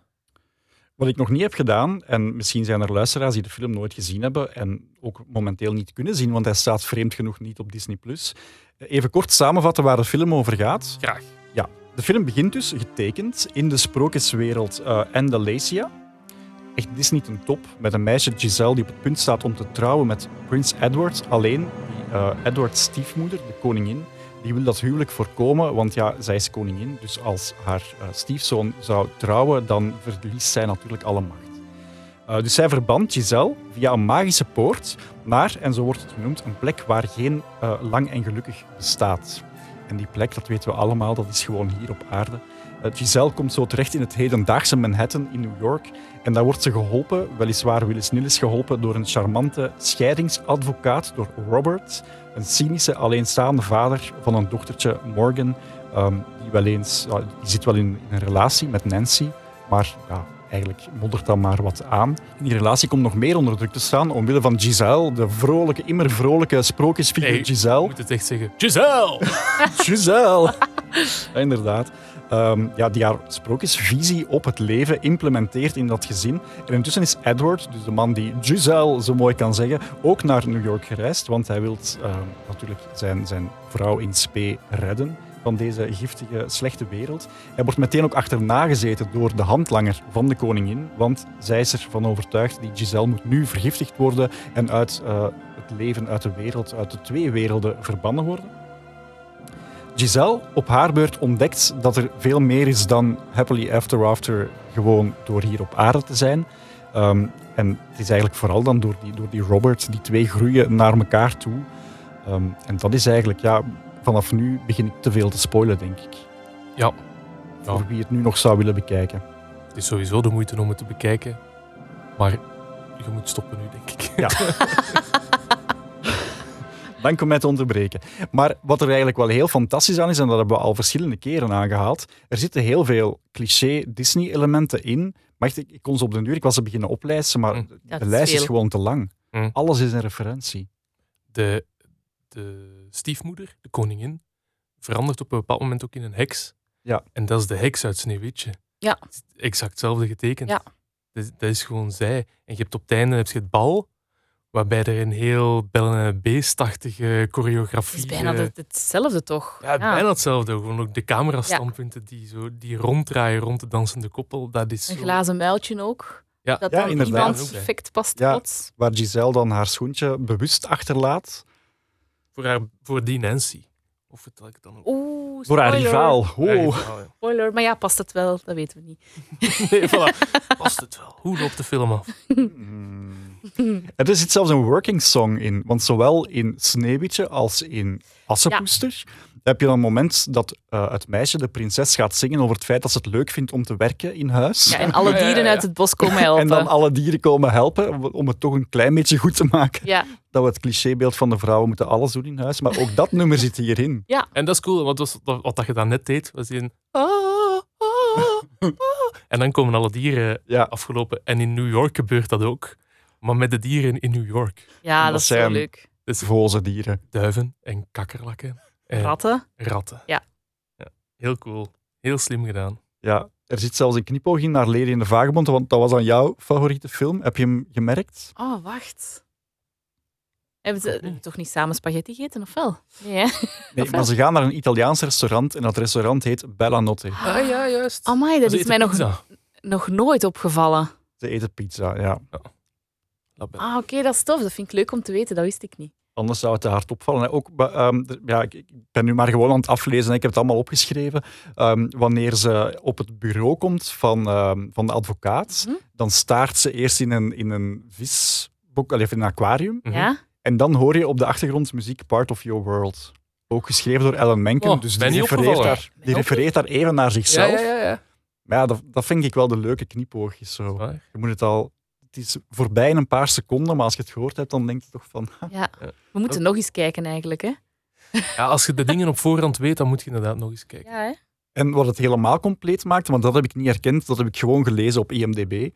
De secretaresse die dan in charge wordt gezet om, haar, om, om Giselle op te vangen, dat is jo eh, Jodie Benson. Mhm. En dat is dan weer de vrouw die destijds Ariel van een stem voorzien heeft. Eh, Oh, dat is ook leuk. Zijn Dus het is ook niet- dingen. Toeval dat die muziek dan net daar gebruikt wordt. heel Wauw. cool. Heel cool om te weten. Hebben jullie nog leuke dingen ontdekt? Met het nu opnieuw te bekijken, want ik durf het bijna niet vragen, maar hebben jullie die film al vaak gezien? Ik denk dat ik hem wel een stuk of vier, vijf keer heb gezien nu. ja, zoiets. Ik ging ook zo... Ja. Want we hebben die wel twee of drie keer misschien zelfs samen gezien. ja, denk het ook wel. Omdat ik hem echt goed vind. Omdat er elke keer wel zoiets is. Ah ja, we hebben zelfs nog dingen dus niet eh, ontdekt, Ja, lijkt nu. exact, ja. Zijn er nu nog dingen waar ik nu nog aan denk die mij opvielen? Niet meteen. Ik zag een, ik weet niet of jullie Disneyland Parijs-gangers zijn. Ehm, ik, ik ben zot van Disneyland Parijs. Af en toe, ja. Ja, ik vind pretparken gewoon niet zo heel leuk. Dus Disneyland Parijs is altijd zo'n beetje dubbel, want ik wil eigenlijk super graag gaan, want Disneyland. Maar ik ga dan niet zo graag in attracties. En ja, dan uiteindelijk zijn het ook maar gewoon Ah, wel, en koffie aan het drinken terwijl andere mensen in attracties gaan. En dan, Ja. ja, zet je veel geld aan het betalen om maar gewoon ergens koffie te kunnen drinken. Ja, ja, voilà. voor mij Ja. is dat wel anders. Ik ga graag naar Disneyland Parijs. Ik ben vroeger regelmatig met mijn ouders gegaan. En ik ga graag in attracties. Maar het leukste, en dat is weer de muziek, het leukste vind ik de parades. Maar ik ben een hele grote fan. Ja, echt- musical-fan en Ja. paradefan, uiteraard. I know. Nu begint het echt een beetje raar te worden. Maar, eh, ik, Maar gewoon alle muzikale dingen, hè, vind jij gewoon heel ja. mooi en goed. Ja. Daar word ik heel emotioneel van. En dan probeer ik de, de, de middagparade te doen. En dan, van zodra dat, dat ik Mickey zie, ik ben een grote Mickey Mouse fan. En van zodra dat, dat ik Mickey zie en die zwaait, en die staat meestal ergens bovenop een, een wagen, dan, dan word ik emotioneel. Ik vind dat vreselijk. En dan de dingen ook, de, vroeger was het de Main Street Electrical Parade. Dat is, dat, ik ken de melodie nog. De melodie zit... Ja. Is, is dat bij zoiets denk ik vaak van, dat is toch omdat u dat ook raakt, omdat je je even weer kind voelt en je kent al Ik had dat als kind ook en, al. Ah ja, maar gewoon dat gevoel blijft zo hangen. Ik heb dat bij, bij zo bijvoorbeeld een kerstshow van, van Samson en Gert. Eh, als ik dat nu nog eens zie en zo die stem zegt, meisjes en jongens, dames en heren, hier zijn ze dan, Samson en Gert, ben ik heel hard aan het wenen. Maar echt gewoon aan het wenen. En dat is, dat is, dat, dat is zelfs onnozel, hè? want allee, in ons radioprogramma zijn Samson en Gert of Gert alleen al wel eens een keer langs geweest. Dus het is niet zo van de, de ultieme, maar dat is gewoon je bent weer even zo'n seconde een kindje dat een ticketje heeft voor de kerstshow. En dat Ja. is denk ik een beetje hetzelfde met Mickey Mouse zien. Zo, Ja, ik heb ooit anderhalf uur aangeschoven om met Mickey Mouse op de foto te kunnen gaan. Hè. dat is een En tof dat- anderhalf Dat uur. is drie jaar geleden. was ik dus 30 jaar. Het is niet dat ik, dat ik 10 jaar was of zo. Hè. Maar ik heb als kind heb ik duizenden Mickey Mouse'en getekend. Ik, teken, ik kan dat nu nog. Ik kan Allee, het hoofd van, nee, maar het hoofd van Mickey is niet eenvoudig als je het niet weet. Het hoofd van Samson lijkt een beetje op Mickey getekend. Het is wel dezelfde. Maar eh, ja, een grote Mickey Mouse fan. Ja, moet al even diep gaan graven hoe dat we hier weer zijn uitgekomen. Het is in. Parijs. Ja, zeggen. Ah, het, was, ehm, het was iets wat ik denk ik herkend heb, maar ik weet niet of ik het kan hardmaken. Ja. Wanneer ze ehm, naar het appartement gaan van Roberts en ze stappen in de lift, krijg je op een bepaald moment een shot te zien dat compleet niks ter zake doet van zo het pijltje dat aanduidt op welke verdieping van de lift je zit. En volgens ja, mij ja, is dat gewoon één op één ehm, ja, eigenlijk het decor van de Tower of Terror. Die ook Ah. tot verdieping 12 gaat en dan met het pijltje zo... ting. Ah, zou wel kunnen. Het zou atypisch zijn voor de film, omdat het niks te maken heeft met prinsessen. Maar Nee, maar het is Film, gewoon maar zo, ja, Het is voor... gewoon een verwijzing, ja. Ja. Het kan wel, maar het is ook wel graaf, omdat misschien is effectief het gebouw waarin Robert woont de Tower of Terror. Allee, je weet niet, Giselle weet niet precies waar ze naartoe gaat. Hoewel ze wel heel naïef is en alles vertrouwt wat ze tegenkomt op haar pad. Ja. Ik weet het niet, ja. En het gebouw van de Tower of Terror heet de Hollywood Tower Hotel. Dus dat is dan aan de andere kant van de VS. Maar dan nog, ik denk dat het echt voor... Mm. Ik denk dat het knipoogjes zijn die ze er bewust in steken voor fans Ja. zoals wij. Ah ja, dat kunnen. Ja. Af en toe denken van... ja. Tof. ja, Of we zoeken er te veel achter, dat kan ook. dat, dat ja, zou maar ook toch, kunnen. maar geen enkele Maar liefde heeft dat pijltje. Waarom zou ze... Ja, ja. Nee, nee, dat is waar, ja. Laten we, het, eh, laten we het eens hebben over de personages. Ehm, en dan moeten we uiteraard beginnen met... De, jij kan het het beste zeggen. Giselle! Amy Adams. Blijkbaar was zij ehm, actrice... eh, wacht, hè, 254 die audities komen doen van de meer dan 300 actrices. Wauw. En daartussen zaten onder andere ook Cameron Diaz, eh Oh. Renee Zellweger, Jennifer Garner en Christina Aguilera. Cool. Maar dat is altijd heel leuk om over na te denken hoe anders die film zou zijn geweest. Met de mensen die jij nu opsomt, zo stel je voor dat Cameron Diaz Giselle was geweest. Dat is echt een andere film, hè? En die waren toen ook al wel bekend. Amy Adams op dat moment eigenlijk nog niet. Aha. Dus je zou kunnen zeggen dat dit zo wel haar doorbraakfilm is geweest, wat achteraf bekeken heel gek is. Ja, vooral omdat niet veel mensen de film kennen en hij ook niet tot de klassiekers behoort. Maar wel dan de, de sprong naar de bekendheid voor haar dan. En ze speelt ook heel goed, hè. Want ehm, dat viel mij op toen, toen we keken. Zij, je gelooft wel echt de manier waarop zij acteert en beweegt. Vooral, vooral Ja, haar de bewegingen zijn maakt heel goed, hè? Ook zo haar, haar mond, haar en- articulatie, dat zij een tekenfilmfiguur is in de echte wereld. Ja. Dat, is, dat vond ik heel straf, hoe zij dat wel goed kan neerzetten. Ik herinner mij bij het opnieuw bekijken dat ik toen ook al, toen ik hem voor de eerste keer zag, ehm, het eigenlijk al heel erg straf vond dat een actrice erin slaagt om... Dus, dus je moet je inbeelden, zij weet niet wat boosheid is, want dat bestaat in haar wereld niet. Mm. En op een bepaald moment voelt ze toch die boosheid opkomen Ja. omdat ze op Robert boos is. Ja, En ze barst uit. En tegelijk begint ze terug te giechelen, want ja, ze is nog altijd wel diezelfde prinses die altijd blij is. En dat vond ik zo knap, dat je die twee emoties, geloofwaardig, constant door elkaar kunt laten gaan op een paar seconden tijd. mhm. En naïviteit ook, hè. Het, het altijd eh, ja, van mensen, het goede, het, van het goede uitgaan in elke mens. Dat, dat is iets wat dat zij, en je gelooft ook echt dat zij dat. Zij praat met iedereen op straat die ze tegenkomt en heeft die van, hey Waldemijn. En zo, dat... eh, Maar ja, wat, ook heel schoon is, hè? dat doet mij dan zo denken aan zo, eh, eh, zo dat boek De meeste mensen deugen. Ehm, eh, ja, dan denk ik, ja, zo denkt Giselle ook echt. en ja. die een ene keer heeft hij een dakloze naar haar gouden kroontje eh, gestolen. Kijk, dat was er dan ene die niet deugde. Maar ik vind dat, dat heeft zoiets heel dat breekt haar vertrouwen in de mensheid ook niet. Nee, voilà, dat maakt niet uit, want de volgende zal wel weer een goede zijn dan. En dan roept ze ook niet, jij bent een klootzak, maar dan Nee. roept ze, you're not a very nice Ja. old man. Ja, exact. exact. Het had trouwens niet veel gescheeld of Giselle was gewoon toegevoegd aan de line-up van Disney-prinsessen. Misschien omdat dat niet gebeurd is, dat die ook nooit tot de klassiekers is gerekend dan de Hmm. film. Maar hebben jullie er een idee van waarom dat niet gebeurd is? Ah, Goh, Het is Disney, dus is het Disneyland gerelateerd of niet? nee, het is uiteraard een economische beslissing geweest. Ja. Nee, geen idee. Nee, op een bepaald moment uh, hadden ze een hele reeks nieuwe poppen voorgesteld van de Animators Collection. Oh, ik ging nog die... zeggen, de brooddozen waren vol. Dat heeft, er iets, heeft het er iets mee te maken met dat het, dat het al voorgesteld was met andere prinsessen? Of nee? Nee, nee. Ah, dus, dus, er is echt een, ah. een, een, lijn uh, poppen voorgesteld ja, ja, waar zij tussen stond. Ah, okay. En dan heeft een van de Disney-bazen gezegd, ja, maar wacht even, um, die pop is gebaseerd op het uiterlijk van uh, Amy Adams. Dat wil dus zeggen dat als we die nu toevoegen aan die reeks, dat wij tot het einde van onze dagen gaan moeten betalen voor het uh, portretrecht, ja, portretrecht ah, van Amy Adams. Dat gaan we niet doen. Okay. Terwijl ze dat nu wel aan het doen zijn. Hè?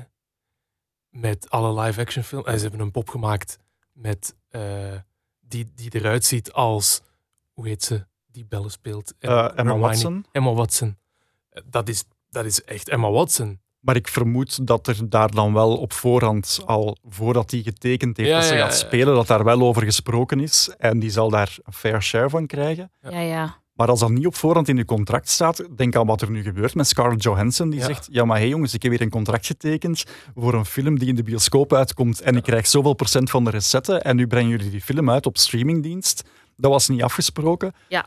Ik vermoed dat men toen gewoon geen clausule had voor portretrecht. Nee, voor, voor een getekende Disney-prinses alleszins. Nee, exact. Ja, maf. En dat, maar is dat de reden waarom zij niet behoort tot de Disney-prinsessen? Ja, ja, ja, ja, ja. Anders dan had hij gewoon in die line-up gestaan en had hij waarschijnlijk ook mee in, die, in de tweede Wreck-It Ralph, um, Ralph ja, ja, ja, Internet. Zo'n heel leuke scène waar ja, ja, uh, Vanellope dan zo alle prinsessen ontmoet ja, dan had hij daar ook gewoon Was er erbij geweest. Ja. Vind je dat een gemiste kans, Vincent? Ja, dat, ik, nee, niet helemaal. Omdat ik vind, het is geen, het is geen klassieke film. Het is geen, ik weet ja. Maar doordat de film zo atypisch is, ja. is het al bijna een soort van atypische toevoeging aan de line-up van prinsessen of zo. Omdat al de anderen zijn, ja, ja, gewoon getekende prinsessen of zo. En net doordat zij dat dan niet meer echt is, ja. Zij, zij gaat ook... Uh, mag ik toch iets verklappen over het einde van de film? Maar ja. ja. Zij gaat ook niet meer terug naar de getekende wereld. Hè. Zij blijft in, de, in, in onze wereld bestaan, waardoor zij inderdaad geen Disney-prinses meer is. Zo. Op ah ja, en uiteindelijk trouwt ze ook niet, dus ze wordt ook geen prinses. Nee, of ze trouwt met Robert, maar dat, dat, dat is, geen prins. ja, bezwaarlijk een prins te noemen. Exact. Dus zij is letterlijk geen prinses. Officieel niet. Aha, en ze is het zelfs nooit geweest. Hè? Het is, is want ze is nooit getrouwd geweest met een prins, dus ze is eigenlijk zelfs geen prinses geweest. Nee. Dus het houdt wel steek. Ja, hè? Ja, goed, aan de andere kant, als we zo nadenken, zouden er bijvoorbeeld ook geen uh, plusje poppen mogen bestaan van het beest. Want het beest is geen beest meer. maar uh, is het ooit wel geweest? ja, maar hoe leg je dat uit aan een kind? Ja, ja ook waar. Aan kinderen moet je dit niet uitleggen. ik, ik vond dat, ik, bij Belle en het Beest vond ik dat echt jammer dat het beest weer een prins wordt. Ik, werd, ik vind dat echt zo... Allee, zij is zo net verliefd geworden op het beest. En ze heeft hem aanvaard zoals dat hem is omdat hij ook lelijk is als mens.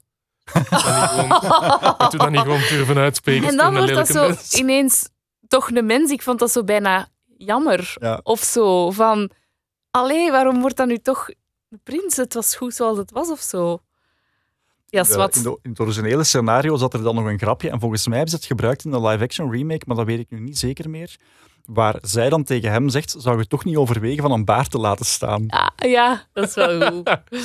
Dat is echt goed.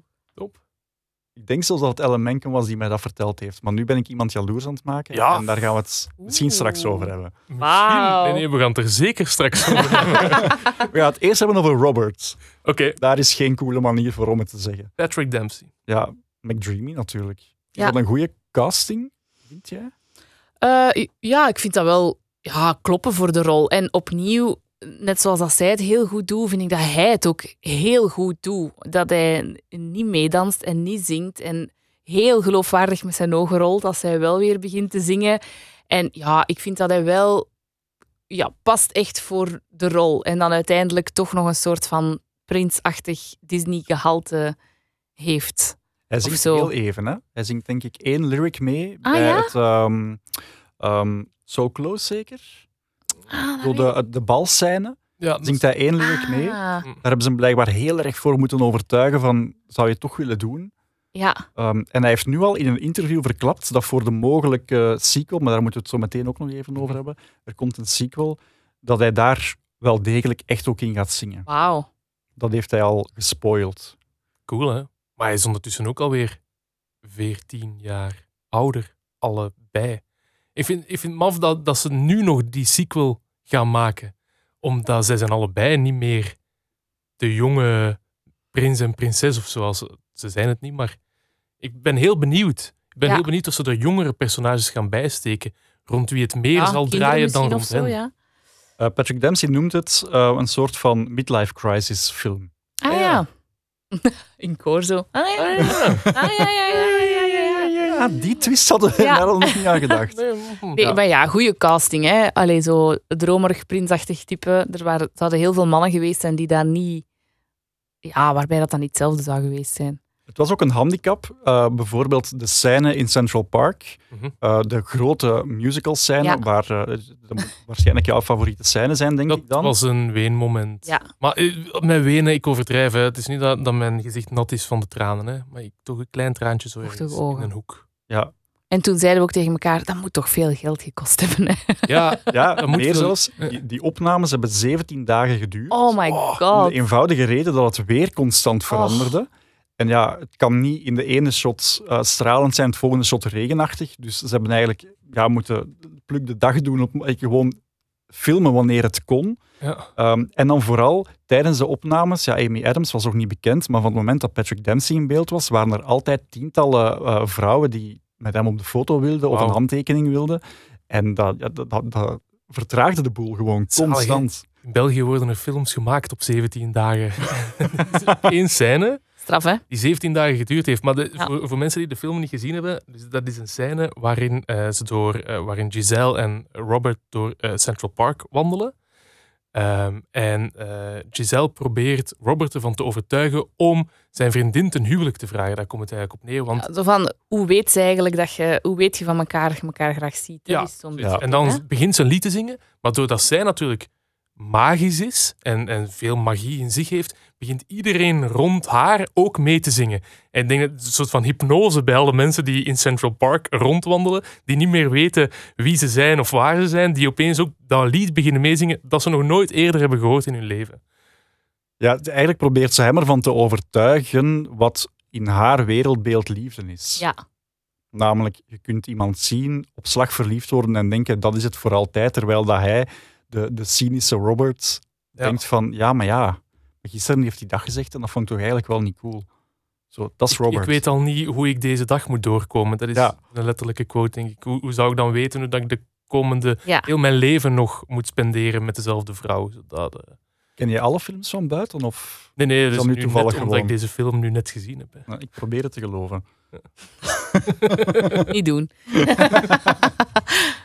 Eh, er zit een heel mooie verwijzing in eh, de firma waar hij voor werkt. Dus die firma heet Churchill, Hurline en Smith. Dat is het eh, advocatenkantoor waar Mhm. Robert voor werkt. En dat verwijst naar iets. Zeg het nog eens? Churchill, Harline en Smith. Dus je zou kunnen denken dat zijn de namen van de drie stichtende leden van het advocatenkantoor. Ja. Maar in dit geval zijn het de familienamen van de songschrijvers van Sneeuwwitje. Ah, cool. Zoveel wist je datjes. Ja. Dat is super tof. Ja. Gratis weetje. Ja, dankjewel. Wat ik heel mooi vind, is dat Giselle eigenlijk van, van, van over de top prinses met haar jurk, die blijkbaar meer dan 20 kilo woog, zo komt ze dan in, eh, in New York terecht. Mhm. En dat ze dan, want ze maakt dan haar eigen kleren op basis van gordijnstof. Ook fantastisch, hè, dat dan zo die... Dat kleed uit het gordijn zo geknipt is, het vormpje zo. Ja, zat. En dat ze eigenlijk bij elke nieuwe outfit die ze heeft, dat het altijd zo soberder en meer aards wordt. En dat ze dan, wanneer ze dan naar dat koninklijk bal gaat, dan heeft ze zo'n heel stijlvolle, maar heel simpele jurk aan, terwijl al die andere mensen aan met protserige, bijna middeleeuwse kostuums staan. En daar staat hij dan, Ja. Patrick Dempsey, met het, en dat is echt waar, het kostuum dat zij gecreëerd heeft in haar getekende eh, droomversie. Dus op een bepaald moment maakt ze dan voor haar Ja, dierenvrienden Een pop zo, ja. en het kostuum dat hij daar draagt, is dan het kostuum dat hij draagt in de balscène. Dus die Zalig. twee personages maken eigenlijk de omgekeerde evolutie. Ja, Ja, dat is cool, hè. Dat is inderdaad, wat je zegt, dat is waar, hè. Die maken de omge... Ze groeien naar elkaar toe, hè. Tekenfilmversie en de real-life versie groeien naar elkaar toe en de ene krijgt meer magie en de andere een klein beetje minder. Ja, ik was daar op het moment van dat bal ook nog aan denken, omdat het is echt zo'n beetje, ja... Het is echt een Disneybal eigenlijk, hè. Dat ik dacht van, zouden ze daar nu echt over hebben nagedacht van... Oké, maar ja, het is wel een echte film en het is wel zo in New York. Hoe gaan we daar toch zo het Disneybal insteken? Weet je, anders moeten we zoiets doen met dat er een bal wordt georganiseerd en iedereen moet zo wat verkleed komen. Dat is toch, al die mensen zien er zo heel zo, ja, prinsesserig en koninklijk uit. En de, de ex-vriendin dan van ehm, Robert, eh, die ziet er eigenlijk echt als een prinses uit. Omdat ze gewoon verkleed komt naar het bal natuurlijk. Maar Ja, ook dat is iets, Dat je gaat daar gewoon in mee. Hè? ja, omdat ja, dat kan ook wel, maar ja, bal, hè. ja, voilà. Ja, ik, ik herinner me zelfs nog, maar dat is ook omdat ik het net gezien heb, dat er ergens op een bepaald moment in het park een affiche hangt Ja. van dat bal. Ja, ja. En daar stond daar volgens mij op eh 25e editie van het Koninklijk Bal. Ja, zoiets. En ze Dus er eigenlijk geven naar. Giselle zegt ook van, hey, Ja. er is een bal, eh, Ja. superleuk. En Robert zegt ook iets van, nee. Of rolt met zijn ogen nog iets. Ja, zoiets. Maar dan geeft je ook al wel aan waarom het logisch is dat er zo'n bal georganiseerd Voilà. wordt, want het Ja. is al de 25e keer. Makes sense. Zouden ze, nu vraag ik mij oprecht af, zouden ze daar dan elk jaar terug naartoe gegaan zijn? Dat gaan we weten in de sequel, hè? Dat gaan we weten in de Ja. sequel. De sequel begint met die scène. Dat kunnen. Waar je het bal en zo... Ja, dat zou tof zijn wel. Wat ik heel jammer vond, is dat die, ehm, dat die ja, de, de koningin, de, de slechte, de boze stiefmoeder, dat die dan verandert in een draak en dat ziet er zo slecht uit. Ik, ja, ik vond dat...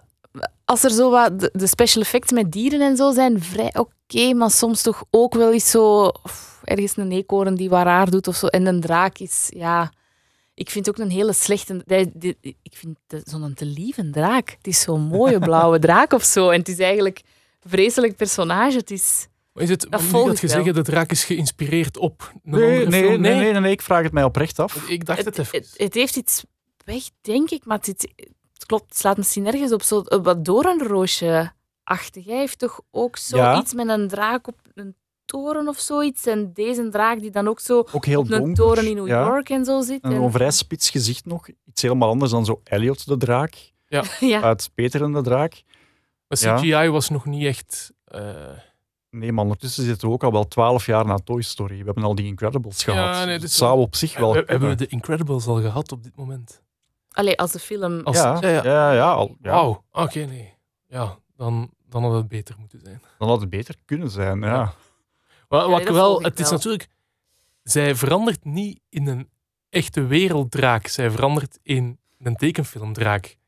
Ja, ja, ja, ja, ja, ja, ja, dat is waar. Het is, het is, het is duidelijk een stripfiguurdraak. Ja. En geen... eh, het is niet een draak zoals als draken echt zouden... Het is geen dinosaurus zoals Nee. die hier heeft Een rondgelopen op aarde. boze monster. Maar dat is dan wel een gek contrast met alle andere dieren die wel echte aardse dieren zijn. Ja. Ja, dat is waar. ja. Zoals die muizen die... Ik zou ze liever niet in mijn huis hebben. Terwijl de muizen van, eh, van, van Assepoester... Nee, ja, ja. Graag, hè? Ja, Dat lijkt me zoiets typisch voor Disney. Zo van, misschien van, god, de draak ziet er toch iets te angstaanjagend uit. Ah ja, zo. Ja, ja, Laten we ja. misschien ja. een klein beetje... maar pas op, dat. Disney eh, angstaanjagende dingen tekent soms. Zoals? Ja, de Disney-films kunnen toch echt griezelig en donker zijn en zo. Zeker die oude. de Ja, zo oude. Sneeuwwitje, de, de boze stiefmoeder, de heks. Iedereen wil iedereen altijd vermoorden ook. En Sneeuwwitje moet dood en ze zal sterven en ze moet dood en we duwen ze ergens van een berg of zo. En dat is eigenlijk heel... Dat is al vaak gezegd natuurlijk, maar het is best donker voor. In Kinderen. deze film ook, hè, want uiteindelijk is het niet genoeg dat Giselle naar een andere wereld gaat. Ze moet ook dood. Ze moet ook dood achteraf. ja, ja, ze, dus, Ja, ze ja. moet vergiftigd worden met een appel. Ze moet dood.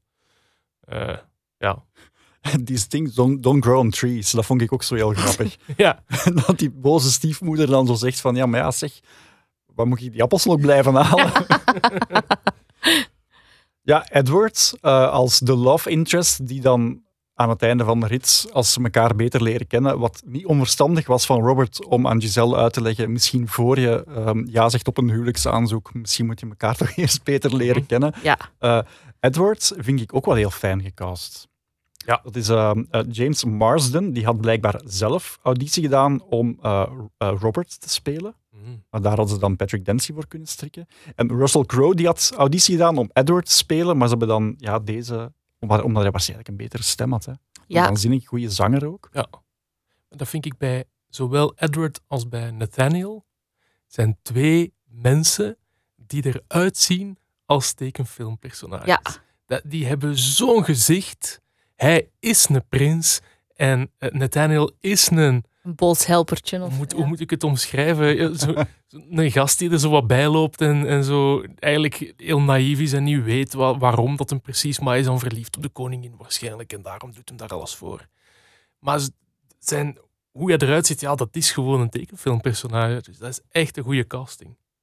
Zou die in het echte leven ook zo bestempeld worden? Ja, ik Maar op het einde van de film is hij toch zo wat opgekuist ook. En dan Ja. heeft hem dan een boek en zo. Dan zie ja. je er al veel, ja, ja, ik ging zeggen normaler, maar ik bedoel eigenlijk meer doorsnee uit of zo. Maar karakterkop, hè. Maar je Echt. kent toch, iedereen kent toch mensen die er als een stripfiguurtje of zo uitzien of zo. Ah, precies iemand van een tekenfilm. En dat hebben zij wel, ja. We gaan nu geen namen noemen. Nee, nee, nee, nee, gaan we niet doen. Maar we denken hetzelfde, hè. We denken het zelf. Tuurlijk. Sorry, Vincent. Oh nee. Er is een scène waar Edward dan op, de, op een bus staat. Hij komt net in New York toe. En hij steekt dan zijn zwaard in de bus, want hij denkt dat dat een metalen draak is of zo. Mhm. I don't know. Maar ehm, blijkbaar zou ehm, alles wat daar rond gebeurt, dus de reacties van mensen op de straat, dat zou niet gecast zijn. Dat zijn geen figuranten. Dat zijn gewoon echt mensen dat daar rondliepen. En die verbaasd keken naar die lunatic die daar op, Oh. een, eh, op een bus stond. Dat is wel soms de beste manier om iets Ja, te doen. hè. want inderdaad, dat is ook heel, die komt daar ook toe in New York met zijn zwaard. Houdt direct zijn zwaard tegen de keel van mensen, steekt een zwaard in een bus. Allee, dat is, dat is eigenlijk een aanslag gewoon bijna. Hè? Maar allee, ik bedoel, ja, in de fantasie van de film is dat heel grappig, maar het is op zich wel Ergens vind ik ja, heftig en daarom misschien nog wel goed dat mensen gewoon echt reageren of zo. Ik weet niet, ja. toen, ik hem, toen we hem terugzagen, moest ik denken aan dat Patrick Dempsey wel heel snel meegaat in het verhaal van Giselle. Ik vind dat hij er... Het is niet dat hij... Of toch niet dat ik, dat ik me kan herinneren dat hij ooit zegt van... Ja, hij zegt wel van, zij is een beetje gek, zij is wat gestoord. Maar het is niet dat hij op een bepaald moment zegt, het is een actrice. En je bent Ja, met ja, mij ja, aan het ja, spelen. ja. Want dat is wel zo typisch New York ook. Mensen lopen daar verkleed rond. Ja, En je zit een actrice en stopt er nu maar mee met spelletje. ja. Eh, je moet je geld hebben en dan Ja. bedankt voor de voorstelling. Dat is niet iets wat dat hij Maar zegt. ik, of is ja, het verborgen camera of zo? Ja, zoiets, ja. hij wordt wel heel snel te- overtuigd toch ook. Want hij kan al die dieren aansturen om zijn ja maar appartement daarvoor te heeft hij haar al mee naar huis genomen. Hè? En al bij hem laten slapen. Dus dat is zo... Dat vond ik wel snel gaan. Ja, goed. Als ik dan toch iets negatiefs mag zeggen. Ja, toch voor iemand die vindt van, sorry, maar je moet eerst op een date gaan. En dan Ja. pas blijven slapen. Ja, maar wel de eerste de beste zot in zijn appartement binnenlaten. Ja. voilà, dat is wat ik bedoel. In diezelfde busscène trouwens uh, hangen er ook op, want het speelt zich af op Times Square, dus, dus we zien heel veel, ja, gewoon hoe dat Times Square is, vol met uh, spuuglelijke reclames. En een van die reclames is een uh, advertentie voor Wicked, de musical. Ik vermoed jou niet onbekend, Vincent, want jij als... Nee, ken ik niet. Maar ik ken, ik ken musicalfilms, maar geen musicals. Ja. Misschien is Wicked ook een musicalfilm, maar dan geen Disney-film. Dus dat... Wicked is een, is een, een grootse productie op Broadway, uh, waar op dat moment um, Idina Menzel in meespeelde. En dat is dan weer de actrice die Nancy speelt. En zij vond het op haar beurt heel fijn dat ze eindelijk eens gecast werd voor een serieuze rol, waarin ze vooral niet moest zingen, want het is het enige hoofdpersonage die, die geen noot zingt in heel de film. Tof. De weetjes blijven komen. Ja, ze heeft het daarna dan Disney-gewijs dan wel goed gemaakt, ja, of net niet goed gemaakt. Er zijn fans, maar er zijn ook heel veel tegenstanders. Zij is ook um, Elsa uit Frozen. Oh, ah, oké. ik ben wel fan. Zij is verantwoordelijk voor Let It Go. Ja, is toch goed? Enfin, voor het inzingen ervan. Hè. Ja, Uh, niet voor de song zelf. Perfect. Dat is gewoon niet alleen goed voor kindjes, hè, maar ook voor ouders. Hè. Een, uh, een vriendin van mij die zingt dat in haar hoofd als, uh, als haar kind weer alles aan het vuil maken is en zo. En dan zegt ze, dan zing ik in mijn hoofd even Let It Go. En dan denk ik, het gaat wel voorbij. Dus het is niet alleen een goed nummer voor kinderen, maar ook voor de ouders om om te gaan met kinderen. Dat lijkt mij nu zo echt het nummer dat ouders met kinderen gewoon kotsbeu zijn. Ja, tenzij het dus positief draait en dat Ja. het u ook helpt. Tuurlijk, tuurlijk, Ja. maar ik vind het mooi dat het kan. Ja, ja het, het blijkbaar. Ik heb zelf geen kinderen, maar ik ben wel al voorbij het punt dat ik het nog een leuk nummer vind. Het is gewoon te veel gedraaid. Nee, maar ik, ik, ik word niet zo snel nummers beu. Ik word eigenlijk zelden nummers beu. Oké. Ik kan daarna blijven, maar dat is ook weer de muziek, vind ik vaak belangrijker dan. Ook al teken ik zelf heel graag, maar muziek is vaak interessanter voor mij. Ook de muziek die onder scène staat, als er niemand aan het zingen is. Ja. En eh, dat is vaak ook zo goed. En ook goed in deze film. Omdat je op een bepaald moment hebt je zelfs een stukje waarbij eh A True Love's Kiss erin zit, maar dan in mineur of zo, waarin het dan slechter gaat. Maar je hoort dan toch dat thema. Dat vind ik wel cool. Zijn er eigenlijk, ik vraag het mij nu oprecht af, zijn er truckers die op Disney dinsdag Let It Go aanvragen? Ja, Ja? dat is echt, hè? Ja, ja, dat is waar. Die moeten echt hun familie missen dan. Eh, dat zou kunnen, of die vinden dat echt gewoon een goed nummer. Maar er zijn... Ah, truckers zijn ook eh, dertigers, hè? Het zijn ook maar mensen, hè? Maar mensen, die, eh, dat zijn niet allemaal de... Maar de... ik denk dat die allemaal stoer zijn. Nee, dat... Ja, van, maar... Maar dat is dat moment ook, hè? Dat is zo gewoon no shame. Zo, en we Ja. gaan even gewoon toegeven dat we best wel fan zijn van Let It Go of zo. Ja. En van anderen... Het is toch niemand die het hoort, dus. Alleen zij zelf. hè. Ja. We hebben het eigenlijk al over twee nummers gehad. Hè? De True Love's Kiss, waar het mee begint. En dan die That's How You Know in Central Park. Mhm. Maar het, het nummer waar dan uiteindelijk de dans op gebeurt, So Close. ehm, er heeft iemand mij vorige week een berichtje gestuurd. Dat Ja. is echt waar. Michael van den Brand, die zei So Close was onze openingsdans elf jaar geleden. Dus blijkbaar moet die muziek, net zoals bij jou Vincent, toch wel iets gedaan hebben met mensen. Ik kan me voorstellen dat ik niet de enige ben. Eh, maar So Close, heb je, weet je daar nog iets meer over? Want ik hoorde het gisteren opnieuw en ik dacht, ik ken dat nummer toch, maar niet alleen uit deze film. Dat zit toch nog ergens anders ook? Of, of dat hebben we toch... daar mensen al openingsdansen op zien doen. Ah. Kan, hè? Waren jullie uitgelopen op de trouw van Michael van den Brand? Ah, natuurlijk. Ja, dat is mijn beste kameraad. Dat is mijn neef. nee, nee, nee, ik, ik, ik ken hem niet. Nee, Maar nee. hallo, Michael. Ja, mij zegt het ook niks, maar, Ja, het kwam. Ik was vergeten. Ik maar was het dat kwam wel helemaal terug. Ja. Ook omdat, ja, ergens eh, viel mij op, in de film er al naar gehind wordt, muzikaal. Dat het zo instrumentaal al een keer Ah. original is speelt. Misschien daarmee dat je een déjà vu gevoel Zou hebt. kunnen. Zou kunnen. Of En het is- déjà, déjà entendu. Ja, zwart. Het doet natuurlijk ook heel hard denken aan Beauty and the Beast. Hè, aan het nummer dat gezongen wordt op het moment dat Bellen en de Beest aan het, aan het eh, dansen zijn. Ja. Er zitten ook heel veel verwijzingen echt naar originele Disney-nummers in. Niet alleen in dat aquarium, maar bijvoorbeeld ook wanneer eh, Edwards op zijn hotelkamer tv zit te kijken. Ja? Eigenlijk telkens als we de tv niet zien, dus geen idee hebben wat er aan het gebeuren is, dan zijn dat nummers uit eh, Disney-nummers. uit Disney-films. En ook dialogen. Het is een volledige dialoog in van Dumbo. Er zit een, een volledige dialoog in van eh, eh, Vrij en Vrolijk. Dat is een minder bekende oorlogsfilm, zo 1947. Is dat met die papegaaien? Nee, Oh, oorlogsfilm met papegaaien was waarschijnlijk niet. Ja. Nazi's! Raus! ik weet het niet. Nee, dat zijn, dat zijn, de, dat zijn de drie Calibero's, of hoe heet die film? Oh, die ken Ja, ik ja, ja, ja, ja. De drie Calaberos? Ja, ook een Disney classic, maar ook totaal onbekend. Ik heb Ja. hem op DVD, maar ik heb hem nog nooit gezien. Ik ook. Ik heb dus de oorlogsjaren overgeslaan, omdat ik dacht, dat is aan het begin van de podcast, onze chronologische toe. En Ja. dat, zijn, dat zijn vijf films die niemand gezien Niemand- heeft. Daar doe ik niemand zijn plezier mee. Ja, nee, nee. Dus Ja, maar misschien moet ik ze ooit nog wel eens inhalen. En dan heb ik wel een beste vriend die ik kan vragen om een hele dag te Dorothee, offeren. Nee, ik wil die wel eens graag zien. Ik wil wel weten wat, wat, waarom dat uiteindelijk, wat jij zegt, tot de kanon behoort. Want dat is het. Dus dat is een Disney classic die niemand kent. Ja. Waar Disney ook met geen woord meer over rept. Nee, omdat ze daar waarschijnlijk ook niet zo heel trots op zijn. Maar ja, waarom die dan bijvoorbeeld wel? Op een bepaald moment hebben ze ook besloten in het jaar 2000 om Dinosaur daartussen te steken. Mm. En die is er nu al officieel terug uitgehaald. Ah, Ook geen idee waarom. Ja, waarom doen ze dat dan niet bijvoorbeeld ook voor die films die niemand nog kent? Zitten dingen zo, er is zo'n film die ik nooit gezien heb met een toverketel. Ja, Taran en het Overketel. Of, ehm allee, hoe heet die nu? The Black Cauldron. En zit die wel nog in de kanon? Ja. Die heb ik ook nooit gezien. Die staat nog thans op Disney+. Plus. Ah, dat is goed. Oké. Ja, maar dus, daar hadden we het daar juist ook al over. Enchanted om een of andere gekke reden niet.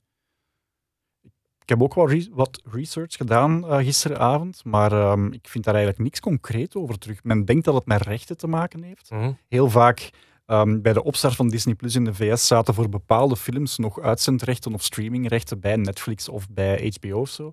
Ehm, maar voor deze, ja, hij is nergens te zien. Dus het is moeilijk te geloven dat hij ergens nog zit. Wat maf is, hè, want het is een sequel. Disenchanted, die Ja. nu dan echt wel in de stijgers zou staan. Wordt dus gemaakt speciaal voor Disney+. Plus. Dus dan moet Disney er wel van uitgaan dat ze met de release van, van de sequel ook wel Ja. Enchanted. Online kunnen zetten. Ah ja, want hoe raar zou dat anders zijn? Ja. De enige manier, blijkbaar momenteel, om Enchanted te bekijken, is als je ervoor betaalt op Amazon of op ehm, Apple TV. Ah, Dus dat je hem koopt of huurt. dat hadden we nog wel. Ah ja, nee. Dat hadden we nog kunnen doen dan. Maar... Of op DVD natuurlijk. Als je ooit de geweldige investering hebt gedaan, zoals ik, of Vincent, blijkbaar Voilà. ook. Ja, ja, ja. Ik heb hem en hij zit ergens in een doos in de kelder al meer dan zeven jaar. Dat schijnt een heel goede manier te zijn om die te conserveren. dat, dat weet ik niet zo. In een vochtige kelder waarschijnlijk niet. Eh, ik hoop dat mijn collectie nog overeind is gebleven na zeven jaar in een doos in de kelder. Hoe kijken jullie dan Disney-films nu? Dat is alleen nog via streaming? Ja, Of films in het wel, algemeen? Ja, en het is soms ook wel eens fijn om je te laten verrassen door iets dat er toevallig tussen staat of zo. Want Disney Plus hebben we nog niet zo lang. En eh, Netflix had dan zo ook altijd zo een een paar Disney-films of zo. Om dan gewoon eens te kijken van, wat staat er eigenlijk? En dan zo gewoon eens... En dat de keuze beperkt is. Ja, dat vind ik ook zo wel eens Ja. tof of zo. Maar dat is zo. Ik vond dat vroeger hatelijk dat Disney de gewoonte had om classics om de zoveel jaar nog eens een keer uit te brengen en dat je die voor de rest nergens vond. Hm. Eh, maar nu heb ik zo vaak het gevoel van oh, er is zo te veel ineens de hele Ja, ja, tijd. ja. En ze produceren ook heel veel de hele tijd. Je wilt zo het gevoel hebben van, goh, ik zou nog eens willen kijken naar Lady en de Vagebond. Misschien moet ik die nog eens gaan lenen bij een vriendje. Ja, maar dat, dat, dat maakt het inderdaad zo wel een beetje... Ja, noemt je dat zo? Ja, zo wat exclusiever of zo. Hè? Van, dat is nu wel minder, maar ja, dat geldt eigenlijk wel... Maar dat is onze generatie ook. Dat, Dat geldt ook is- voor veel dingen. Dat is zo, ja, een dvd-box van Friends heb ik onlangs teruggevonden tijdens onze verhuis. Ja, dat is echt zo... Dat was toen echt zo van, amai, je hebt alle dvd's van Friends, wauw. En ja, zo ergens is dat bijna jammer dat dat op Netflix staat of zo. Want ik heb wel die dvd-box. Allee, dat is zo... Ja, ja. En op Netflix is dat ook maar, je klikt dat aan en je bent daar niet actief mee bezig. Nee. Terwijl als je naar een dvd kijkt, Ja. dan is dat wel een handeling. Ja. Je kiest ook welke dvd je eruit haalt. Ja, Terwijl nu op Netflix, ja, je scrolt, ah, dat vind ik eigenlijk niet zo'n leuk aflevering. ja voilà. Met die dvd's ging dat niet zo Exact. gemakkelijk. Nee. Of eh, je kunt soms ook wel in de sfeer worden gebracht door ja, een hoesje of een doosje. Hè. Ik heb van Vlees en Bloed nu nog iets gezien, dat is iets, iets anders dan Disney. Maar ik herinner mij dat dat dvd-doosje, dat was zo eh, een pakje van bij de beenhouwer precies, zo dat roos geruit papiertje. En die dvd'tjes, dat waren schelke salami. Just, Maar gewoon zo dat is al super tof, hè, want je doet dat open, schelke salami in een dvd-speler. Dat is iets helemaal anders dan scrollen over streams en denken, ah ja, dat wil Ah, ik nog wel eens en- zien. als Flikken ooit van VRT nu gaat, dan heb ik alle seizoenen op DVD. Dus, Waarom zou die er ooit afgaan? Tenzij natuurlijk dat er iemand in opspraak komt voor, ik zeg maar iets, kinderverkrachting. Dat zou kunnen. Ja. Oh, ja, ja, nee, maar dat weet ik niet. Maar misschien binnen 50 jaar dan heeft niemand nog een boodschap aan. Ja. Uit de jaren 90. Ik Zero. droom echt van de dag dat een van de hoofdrolspelers... Allee, ik wil niet iemand per se aanduiden, hè, maar stel nu Wat gaat dat een van de hoofdrolspelers van FC de Kampioenen binnenkort in opspraak komt voor iets strafbaar, dan moeten VRT ze wel allemaal terugtrekken. Allemaal. Het zou vreselijk zijn. Ik kijk ook wel graag dat ik... Ik ben echt niet, niet goed bezig, hè. Ik kijk ook wel echt graag Nee, naar maar de daarin zal ik u bijstaan. FC de kampioenen vind ik ook Ah, wel best oké. Ik vind dat zo... Ah, zo chill. Zo... Je moet daar niet bij nadenken. En dat is... Dat is ja, Is dat dan eigenlijk hetzelfde wat Friends doet met ook onze generatie? Namelijk, je kunt dat opzetten en je, je weet wat er komt en laat maar komen. En je weet dat je even 20 minuten brainless... ja, en ook zo... Ja, je bent toch een beetje geëntertained of zo. En ook op een bepaalde manier kende die personages wel. En je bent zo... pff, Dat, is nu, dat gaat misschien wat ver, maar je bent zo op je gemak bij die mensen of zo. Allee, je moet die zo niet meer... Ik kan dat soms met een nieuwe serie hebben, dat ik zo denk, ah, maar ik ken die mensen nog niet. En, en zo bij Friends denk je, ah ja, ik ken die allemaal. Tof. Maar jij bent eigenlijk een grotere kampioenenfan dan ik, hè. Maar fan is dat ook niet echt. Dat is nu niet dat ik daar zoiets mee heb van, oh, maar ja, ik wil naar de kampioenen Je tentoonstelling. bent Of ik wil naar de... zo. Dat is wel waar. Nee. Je- En wie zo- van ons twee is naar het Zandsculpturenfestival van Ja, de kampioenen geweest? Ah, Maar- ja, voilà. Die nog nooit FC de kampioenen had gezien. Nee, maar dat dus, is- dat is het was wel jaar, voor haar. Zeggen ze dan thuis, ja, maar het is voor haar. Het kind heeft dat nog nooit gezien. Maar, eh, Dit is dus mooi, hè. Dit is een mooie chemie. Hou het vast voor vanaf 16 augustus. ja, zo, ja, zo nog, nog als je laat thuis komt of zo, zo nog eentje voor het slapen gaan. Zo een Of als we En een enge kampioen. film gezien hebben, dan zegt jij ook vaak, ik kan nu nog niet gaan slapen, Nee. we moeten nog een kampioen Ja. kijken. Maar dat is ook wel, dat is, dat is hetzelfde als wat Disney doet. Je voelt je terug. Bij de kampioenen is dat ook zo. Je weet dat je daarna gekeken hebt in de jaren 90 in je penwaar. Je kwam juist van onder de douche of uit het bad. Je waart ook juist naar de Giro geweest. Maar dat kan dat Het is op zaterdag. zaterdag. Maar je had iets gedaan. En dat is, dat is die tijd, dat is die periode. Voilà, tuurlijk. Ik ben blij ook dat jullie zoiets hebben, want ik zou dat ook heel graag kunnen doen. Maar mijn lief heeft dan zo meer iets van, ik kan nog niet gaan slapen. Laten we een documentaire opzetten. Ai, En dat vind ik dan zo... Dumpen! Ja, maar- we zijn nog niet getrouwd, hè? Ah, oké. pas op, pas op. Zo houdt ook van Disney-films. Dus wat dat betreft mag ik echt niet klagen. Dat is belangrijk. Dat vind ik wel. Allee, als je uiteindelijk zo een soort van passie kunt delen, Ja, Ja. of nee, dat, dat een passie aanvaard wordt. Dat vind ik, klopt. Ja. dat is al de basis. De Absoluut. basis. Ja, Doet jij ook wel met mij. Hè? ik aanvaard. Veel aanvaarden. Ik heb heel veel dingen die Dorothee aanvaardt. Oeh, my. Ik had het moeilijk met mijn stripverzameling. Hè? Maar nee, nee, nee. Ja, dat, is, dat is gewoon omdat een... ehm, bijvoorbeeld, ik koop heel graag kleren, maar ik doe er regelmatig ook iets weg. Dus op zich blijft die collectie ongeveer altijd even groot. Ik vind dat moeilijk als ik niet weet hoe groot die stripcollectie nog gaat worden. Zo... de- de- snapte? Dus en dan denk ik, ah, er gaat alleen maar bij komen. Dus je gaat niet dingen wegdoen of eens een keer een verkoop doen. Je wilt altijd extra. En dan denk ik, ja, binnen tien jaar is er gewoon geen Nee, dan heb Plaats ik meer een voor meubels. aparte ruimte nodig. Het is niet dat, Ja. zoals de kleerkast dat dat een optie is, van als er eentje bij komt, moet er ook eentje uit. Nee, want dan is het geen verzameling meer. Hè? Ja. Verzameling, wat, dat is anders dan kleren. En kleren verzamelt je niet. Toch? Ja, sommige mensen natuurlijk wel, maar ja, nee, ik niet. Maar als ik... Nee, dat zou toch... Nee, maar dat is... Ja. ah, dat kom, Ja, ja, ja. Als we, als we het hebben over Disney-dvd's verzamelen, dat zou hetzelfde zijn als binnenkort komt er een dvd uit van Raya. Is toch de laatste ja, ja. Disney-film? Dat betekent dat je Sneeuwwitje moet wegdoen. Want er is geen plaats meer in de kast. Nee, dat is onbespreekbaar. Voilà. Het doet me denken aan een verhaal eh, van een, een kameraad van mij, David. Die had, ik heb vorig jaar een boek geschreven over filmmuziek. eh, dat heet The Original Soundtrack. En op de dag dat ik mijn eerste doos gekregen had van de uitgeverij, had ik met een paar vrienden afgesproken op café. Die hebben dan allemaal eh, een boek van mij gekocht en ik heb dat dan gesigneerd. En ehm, spoel dan even zes maanden verder. Op mijn verjaardag krijg ik van mijn vader een ingepakt boek. Dus ik ben heel blij en ik doe het open. Het is mijn eigen boek. Ik denk, raar, want dat heb ik natuurlijk al. en eh, er plakt nog de sticker op van de slechte, waar het voor 10 euro minder lag dan de eigenlijke winkelwaarde. En het was een gesigneerde versie die ik had eh, gegeven aan David. Dus ik denk van ja, nu moet ik nu toch wel mijn vriendschap met David in vraag stellen. En uiteindelijk bleek het zo te zijn dat hij met zijn vrouw de afspraak heeft dat omdat hij zoveel boeken koopt, dat hij, ja, de, dus de boekenkast blijft de boekenkast. En als het er niet meer in kan, dan moet er iets uit. Ja, zo'n afspraak wil ik dus ook graag. En dus zo kwam het, want het is niet zo erg dat hij dan met mijn boek naar de slechten is gegaan. Enfin, dat heeft hij mij toch wijsgemaakt. Hij heeft dan het boek op zijn beurt cadeau gegeven aan zijn vader. Mm. En wat er dan gebeurd is, dat Ja, is een ja, beetje grijze zone. Ja, oké, ja. En uw vader vond dat dan gewoon die- heel grappig en heeft daarom... Ja, ehm, er stak een briefje bij en daar stond op: Dit is goed voor je mensenkennis. Ja, dat was wel heftig. Wow, dat is wel heel diep, ja. Een, een levensles. Maar we gingen het nog hebben over Ellen Menken. En Alles, hè? Ik, maar ik zit al de hele tijd te wachten op wat je mij gaat vertellen over Ellen Menken. Ehm, ik heb Ellen Menken mogen interviewen twee keer, maar eh, één keer, en dat was de, de fijnste keer voor de, de remake van Beauty and the Beast. En wat me daaraan opviel, want Ellen Menken is eigenlijk begonnen bij Disney samen met Howard Ashman, de liedjesschrijver, de tekstschrijver. Mhm. Die hadden samen eh, Broadway musicals gemaakt, of off-Broadway musicals. Dat waren nooit de grote populaire dingen, maar zo de dingen in de, in de steegjes.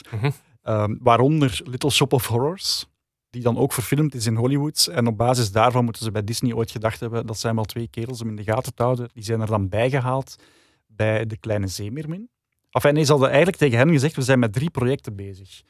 De Kleine Zeemeermin, een tekenfilm. Ehm, een biopic van Tina Turner, die er uiteindelijk nooit gekomen is. En eh, een live-action film eh, dat zich afspeelt in eh, de Arabische wereld, die er ook nooit gekomen is, maar dan uiteindelijk wel Aladdin geworden is. En die hebben direct gezegd, wij willen de tekenfilm doen. Ja, En The Little Mermaid was op dat moment geen musical. En zij hebben met hun twee dan bepaald, die muziek daaraan. Ja. misschien moeten we daar Oh. toch liedjes in schrijven. En het was dan die Howard Ashman eh, die daar de lied wat in genomen heeft, die echt die, die, zowel die film als Beauty and the Beast als Aladdin Mhm. volledig gestuurd heeft. Ja. Maar die is dan ook in dat productieproces overleden aan AIDS. En die, dat viel mij op. Die Ellen Menken wordt daar nog altijd mega emotioneel van als hij daaraan terugdenkt. ja, dat zal ook wel. Ja. En hoe, hoe was hij voor de rest? Dat is een hele toffe gast. Of... Super lieve gast. Cool. Ik denk, mocht hij... Ja, dat, dat zijn dan zo van die junket-interviews, noemen ze dat dan. Je zit daar dan met verschillende journalisten samen en die doen een hele dag niks anders. Maar dat is zo'n type die, mocht hij kunnen, nog een half uur bij u blijft zitten. Omdat als je interesse toont, dan krijg je interesse terug. Ja. Terwijl dezelfde junket zit Emma Watson daar ook. En allee, die doet dat professioneel. Maar die is wel vijf minuten voor afspraak doorgegaan. Gewoon omdat, ja, Emma Watson die kan zich dat permitteren. Ja. Cool. Ja, dat is wel iemand die Ellen Menken dan als in muzikaal iemand die een hele grote invloed heeft gehad op, een, op zo'n grote generatie van mensen over de hele wereld. En ik hoop dat hij dat zelf weet, omdat het zo belangrijk zo, wat hij gedaan heeft. Eh, dat die muziek eh, voor mij alleszins even belangrijk is Ja, ja, ja, ja op die manier. als ja. het verhaal of, of de, hoe, hoe iets getekend is of zo. Ik ben ook heel blij dat ze die voor deze film hebben teruggehaald. Want dat was dan zo een van de. was de enige logische keuze.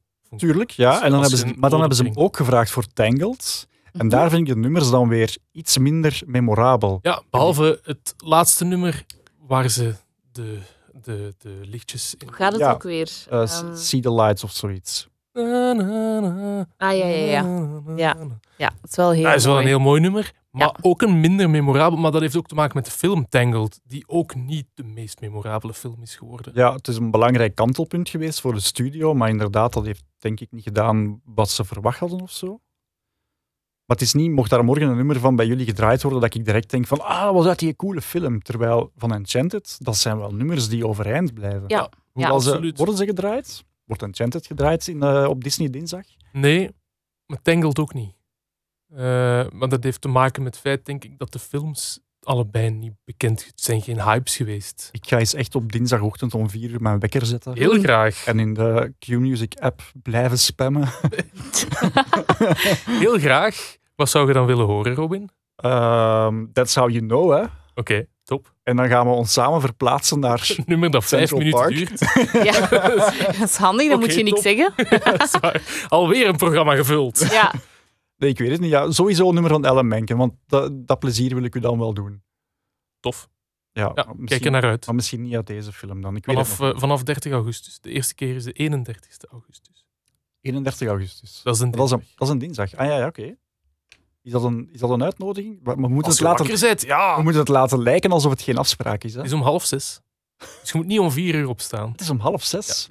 Ja, zie maar. dat- het is morgens, hè? Ja, ja, maar ja, had net zo goed kunnen zeggen van ja, ergens tussen vier en zes. Nee, nee, zo gemeen ben ik niet. Nee. Daarvoor vond ik het veel te leuk. Dit. Ehm, wat ik ook mooi vond, hè, want we hebben het al even aangegeven, Julie Andrews is dan de vertelstem in de film. En, en ja, zij komt dan natuurlijk uit Mary Poppins, wat ook een film was, zo hybride met eh, af en toe een, een getekende scène ertussen. Maar er zit nog ergens een knipoog naar haar in, in deze film. Oh, Naar haar dan? Of naar haar of naar Mary Poppins? Ja. Naar haar, naar haar als actrice. Of, of naar haar oeuvre als actrice. Oh. En het gaat over het moment waar we het net over hadden, die That's How You Know. Ja, in Central Park hebben we een scène waar ehm, Amy Adams ehm, ja, eh, pirouetjes draait in een groot grasveld, Ja? zoals Julie Andrews dat Ja, ook tuurlijk. deed. Sound of Music. Ah. Ja, ja, ja, tuurlijk. De camera komt ook van beneden. Ja, dat is heel je Sound of Music. je Absoluut. Ja, In Oosten... is het Oostenrijk? ja Oostenrijk. Ja. Oostenrijk Ja. zijt. Zo De heuvels en de grasvelden. Ja, ja, Ja. The Hills Are Alive. En eh, in, de, in The Sound of Music is dat gedaan met een helikopter. dat moet een peperdure scène geweest zijn. Ja. In New York was het ook een peperdure scène, omdat die op zoveel dagen is gedraaid. Ja. Maar eh, daar hebben ze het gedaan met een kraan. Ja, uiteraard. Oké. Camera op een kraan. Ja, Ja, ja. Dat leek mij anders ook wel wat, eh, Ja, ik zou de link niet gelegd hebben toen, toen je de vraag stelde, maar ik heb op dat moment in de film wel echt direct gedacht, maar dat is echt Sound of Music. Er is ook een link met Bambi en Brother Bear. Cinematografisch. Eh, dat, zijn, dat zijn al Ik wist, twee... ik wist niet dat het een quiz ging worden, maar het is... Maar blijkbaar is het zo, quiz hè? te wie is er aan het winnen? Maar dat zijn ook twee films die zo ver uit elkaar liggen qua Ja. tekenstijl of... of Ja, ik ga het gewoon vertellen. ja. Ehm, zowel in Bambi als in Brother Bear, op een bepaald moment in de film eh, wordt het scherm van het eigenlijk bijna tv-formaat, het bijna vierkante formaat, uitgerokken naar een breedbeeldformaat. En in deze film gebeurt dat ook. De eerste tien minuten die getekend zijn, Ja. zijn op een smaller formaat. Mhm. En ehm, die worden dan uitgerokken naar wanneer dat Amy- Adams toekomt in New Eh. York. Wist ik niet dat dat bij Bambi ook zo was. Waarom is dat bij Bambi dan? Ehm, het, het is altijd zo om een kantelmoment in ehm, Ah, ja, ja, de verf te zetten. Cool. Kijk, eh, qua gratis weetjes. Ja, ja, ja, ja, en het is een quiz. Ja. Iedereen die luistert is aan het meespelen. en punten mag je opschrijven en doorsturen naar Robin. Ik moet even nadenken of ik van de volgende een quizvraag kan maken. Ehm, het is een ja of nee vraag. De animatie, is die gedaan door de Walt Disney Animation Studios of niet? Ja, het feit dat je die vraag stelt, impliceert misschien al wel Dat het niet is. Dat zal gedaan zijn door de Animation Studios. En de reden is vrij eenvoudig, want ze waren gestopt met 2D-animatie.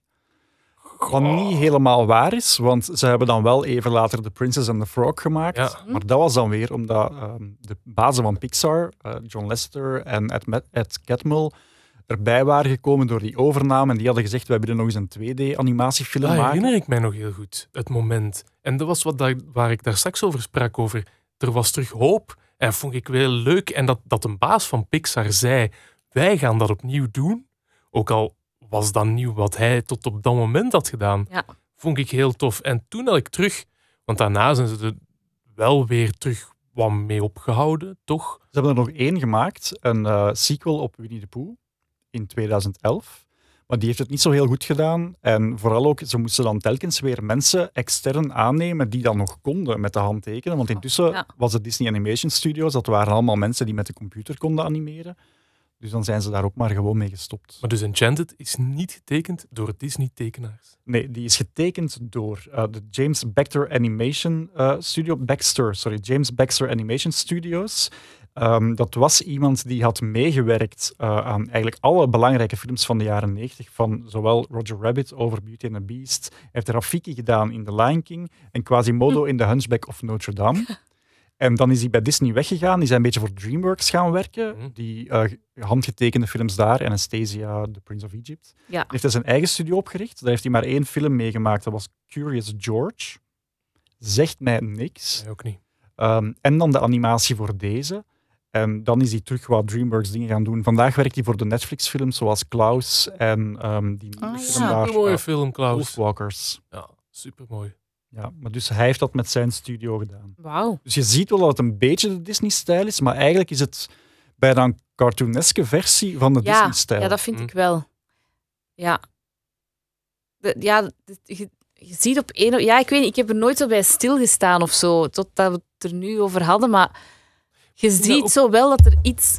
Je ziet zo wel dat er iets niet helemaal Disney niet is of erg. zoals je het kent of Ja, zo. het Maar, het is dat met een hoekje af. ja, maar dus ik heb ook op geen enkel moment gedacht, ah, dat zal dan niet Disney zijn of zo. Dat niet, maar wel van misschien is dit bewust of zo, of misschien is dat een bepaalde stijl. Of... Maar het doet toch meer, het wel. het doet toch meer denken aan Aladdin dan aan Doornroosje.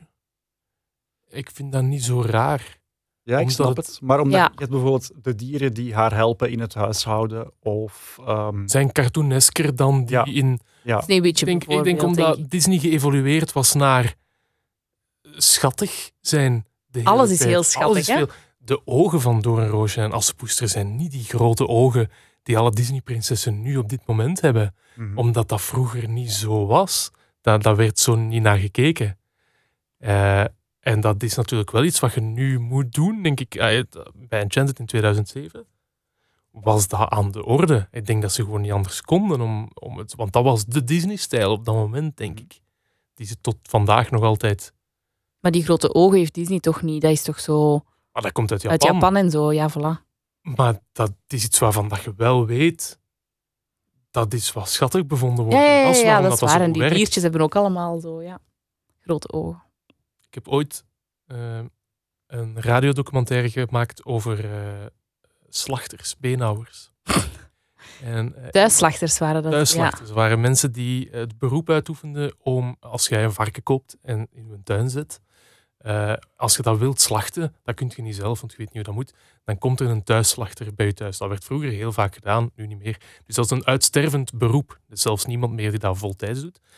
En eh, een van die gasten zei tegen mij, ik neem dat Walt Disney echt kwalijk, want hij heeft ervoor gezorgd dat de hele wereld dieren ziet als iets schattigs. Iets wat je absoluut niet mocht doden om op te eten. Eh, die was daar echt kwaad om. Dus dat heeft zijn beroepscategorie kapot gemaakt. Dat is ongeveer wat hij zei. Dat volg ik ook wel niet helemaal. Maar het is wel zo dat, dat, Ja. kinderen, dat kinderen niet meer... Dat kinderen een muis schattig vinden of een varkentje schattig vinden en het dan vreselijk vinden dat een varken geslacht wordt omdat je het wel wilt eten. En dat heeft er dan voor gezorgd, denk ik, dat, dat de consumptiemaatschappij dat, dat niet meer als een varken wilde laten zien, een hamburger. Maar je weet ook niet dat dat een varken of een koe is geweest. Eh, omdat dat als iets schattigs wordt bevonden, iets wat je niet dooddoet. Ja, maar er zijn geen schattige koeien, denk ik, in het Disney-universum. Jawel, Bella de koe is schattig. Ja, ja, ja. En ik zat nu te denken aan Home on the Ranch, maar die moeten we ook eigenlijk... Sorry, Vergeet het. Hebben jullie er eigenlijk een idee van of deze film, die Enchanted, het goed gedaan heeft? Eh, ja, ik dacht eigenlijk eh, van wel. Ik dacht zo van, ah ja, dat is ook gewoon een Disney-film. Die zal het wel goed gedaan hebben, omdat ik die goed vind. Maar ik heb jullie al een paar keer horen zeggen van, ja, niet zo bekend, niet zo... Maar waarschijnlijk zal die wel winst hebben gemaakt. En ik denk dat er qua kritieken misschien ook wel positief waren. Ja, ja, eigenlijk was de ontvangst redelijk goed. De film heeft 340 miljoen dollar opgebracht en had maar 85 miljoen gekost. Ehm, ik heb nu intussen geleerd met deze podcast dat dat niet eh, zwart-wit is, dat je niet gewoon het ene van het andere mag aftrekken. Maar het geeft wel aan Ja, ja, dat het oké dat het was. wel een, een, een zeer verdienstelijke film was. En zeker nu dat ze zoveel jaar na datum nog altijd spreken over een sequelfilm, doet mij vermoeden dat ze daar wel geld in zien. Hm. Maar laten we dan wel inderdaad hopen dat Enchanted, de originele film dan, terug op Disney Plus komt. Al heeft terug, nee, eindelijk op Disney Plus komt. Exact. Disney, als je dit hoort, wie best. Hij is overleden, hè? dat heb je daar juist zelf gezegd. In de hemel, hè? Je weet het niet. Ja, maar als, als hij het in de hemel gehoord heeft, dan heeft hij ook van de Lion King gehoord, vermoed ik. dat is waar. En dan is heel zou- Mooi, goed. dan is heel Goed. these van daar juist Ja. volledig ondergraven. Nee, maar dan zou ik super blij zijn. Ja? Nee, want, maar nee, ja, goed. Geef nu een signaal als je dit hoort. Maar Walt. Oh nee, dat zou ook vreselijk zijn, hè? Als je dat wel nog... Als de hemel wel zou... Ik weet niet waarom ik dit nu aan het vertellen ben, maar als de hemel wel zou bestaan en hij zijn legacy zou moeten aanschouwen, maar er zelf niks aan zou kunnen veranderen. En dat hij zoiets heeft van... Nee, niet paniek op de prairie. Nee, jongens, niet doen. Nee, dan denk ik dat het leuker is om af en toe een update te krijgen. Zo om de tien jaar zo. Even. Ja. Zo van, dit waren de successen.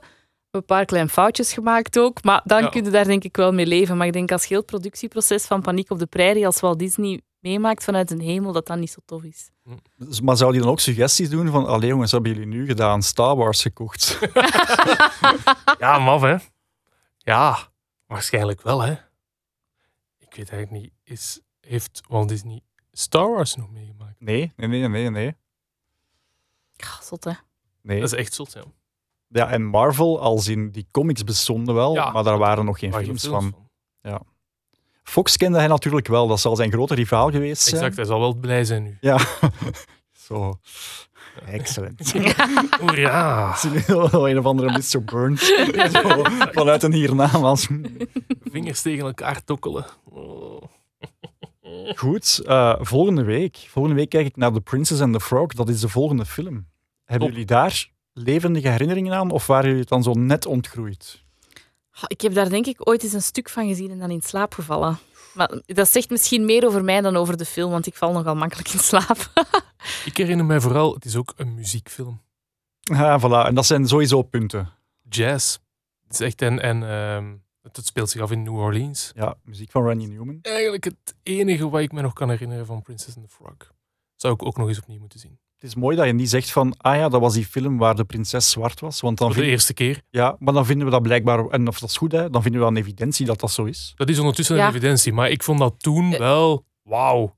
Ja, ik vind dat nu Veel te laat heel ook, maar- evident. Maar, ik, ja, inderdaad, het, hoe moet je het zeggen? Het signaal dat ze daarmee wel wilden en dat ze dat hebben gedaan, dat is wel ja, goed en schoon of zo. Is het achteraf nog herhaald? Ehm, goh, je zou kunnen zeggen dat Moana of Fayana, zoals Ja. het hier uitgekomen is, ehm pum, pum, Ja, goed nadenken. Ja, Raya nu. Ja. Enfin, dan gaat het niet over zwart, maar over Niet wit. niet wit. ja voilà. Ja, kijk wat Pixar nu gedaan heeft met Soul, dat is dan geen prinses, maar... Exact. Klopt, ja. dat is waar. Of Coco. Dus, dus Je voelt wel aan alles dat er heel veel aandacht is voor die diversiteit. En Mhm. ehm, bijvoorbeeld de remake nu van, van The Little Mermaids. Ja. Is het een zwarte actrice die het gaat doen? Bij Beauty and the Beast hebben ze dat niet gedurfd, omdat dat misschien te raar zou zijn voor iets wat zich afspeelt in een middeleeuws Frans stadje. Maar aan de andere kant lopen daar ook gekleurde mensen rond. Mhm. Ja. En houdt dat steek? Historisch gezien, nee, helemaal niet. Maar daar is Ja. geen enkel kind mee bezig. Nee, Nee. voilà. Net zoals het feit dat een knuffelbeer van het beest geen steek houdt. Exact. Dat is wat we moeten onthouden van deze aflevering. Ja. Ik ben heel blij dat we... Ja, we zijn heel diep gegaan. Ah, is dat zo? En ja, ik vind van wel. En ik vind vooral... eh al ik voel op, dat Vincent op heel veel momenten dingen van zichzelf geleerd heeft. Dus ik hoop voor jou... Het wordt toch een lange avond, denk ik. Ja, of, of een, Even verwerken allemaal. en, een, en een korte nacht. Maar ja, goed, dat is het vanaf binnenkort altijd. Ja, voilà, het is dat. Ik wens jullie heel veel succes vooral met ehm, ja, een programma samen maken. Dat lijkt mij na elf jaar samen zijn toch wel de ultieme relatietest. Zo, Zo had ik het nog niet bekeken. Nee, ik ook niet. Oh nee. Sorry daarvoor. Dit is het Oh, einde. Dank je ja. wel. Oké, Dankjewel Robin. We gaan ook blijven luisteren naar u. Ah, super, merci.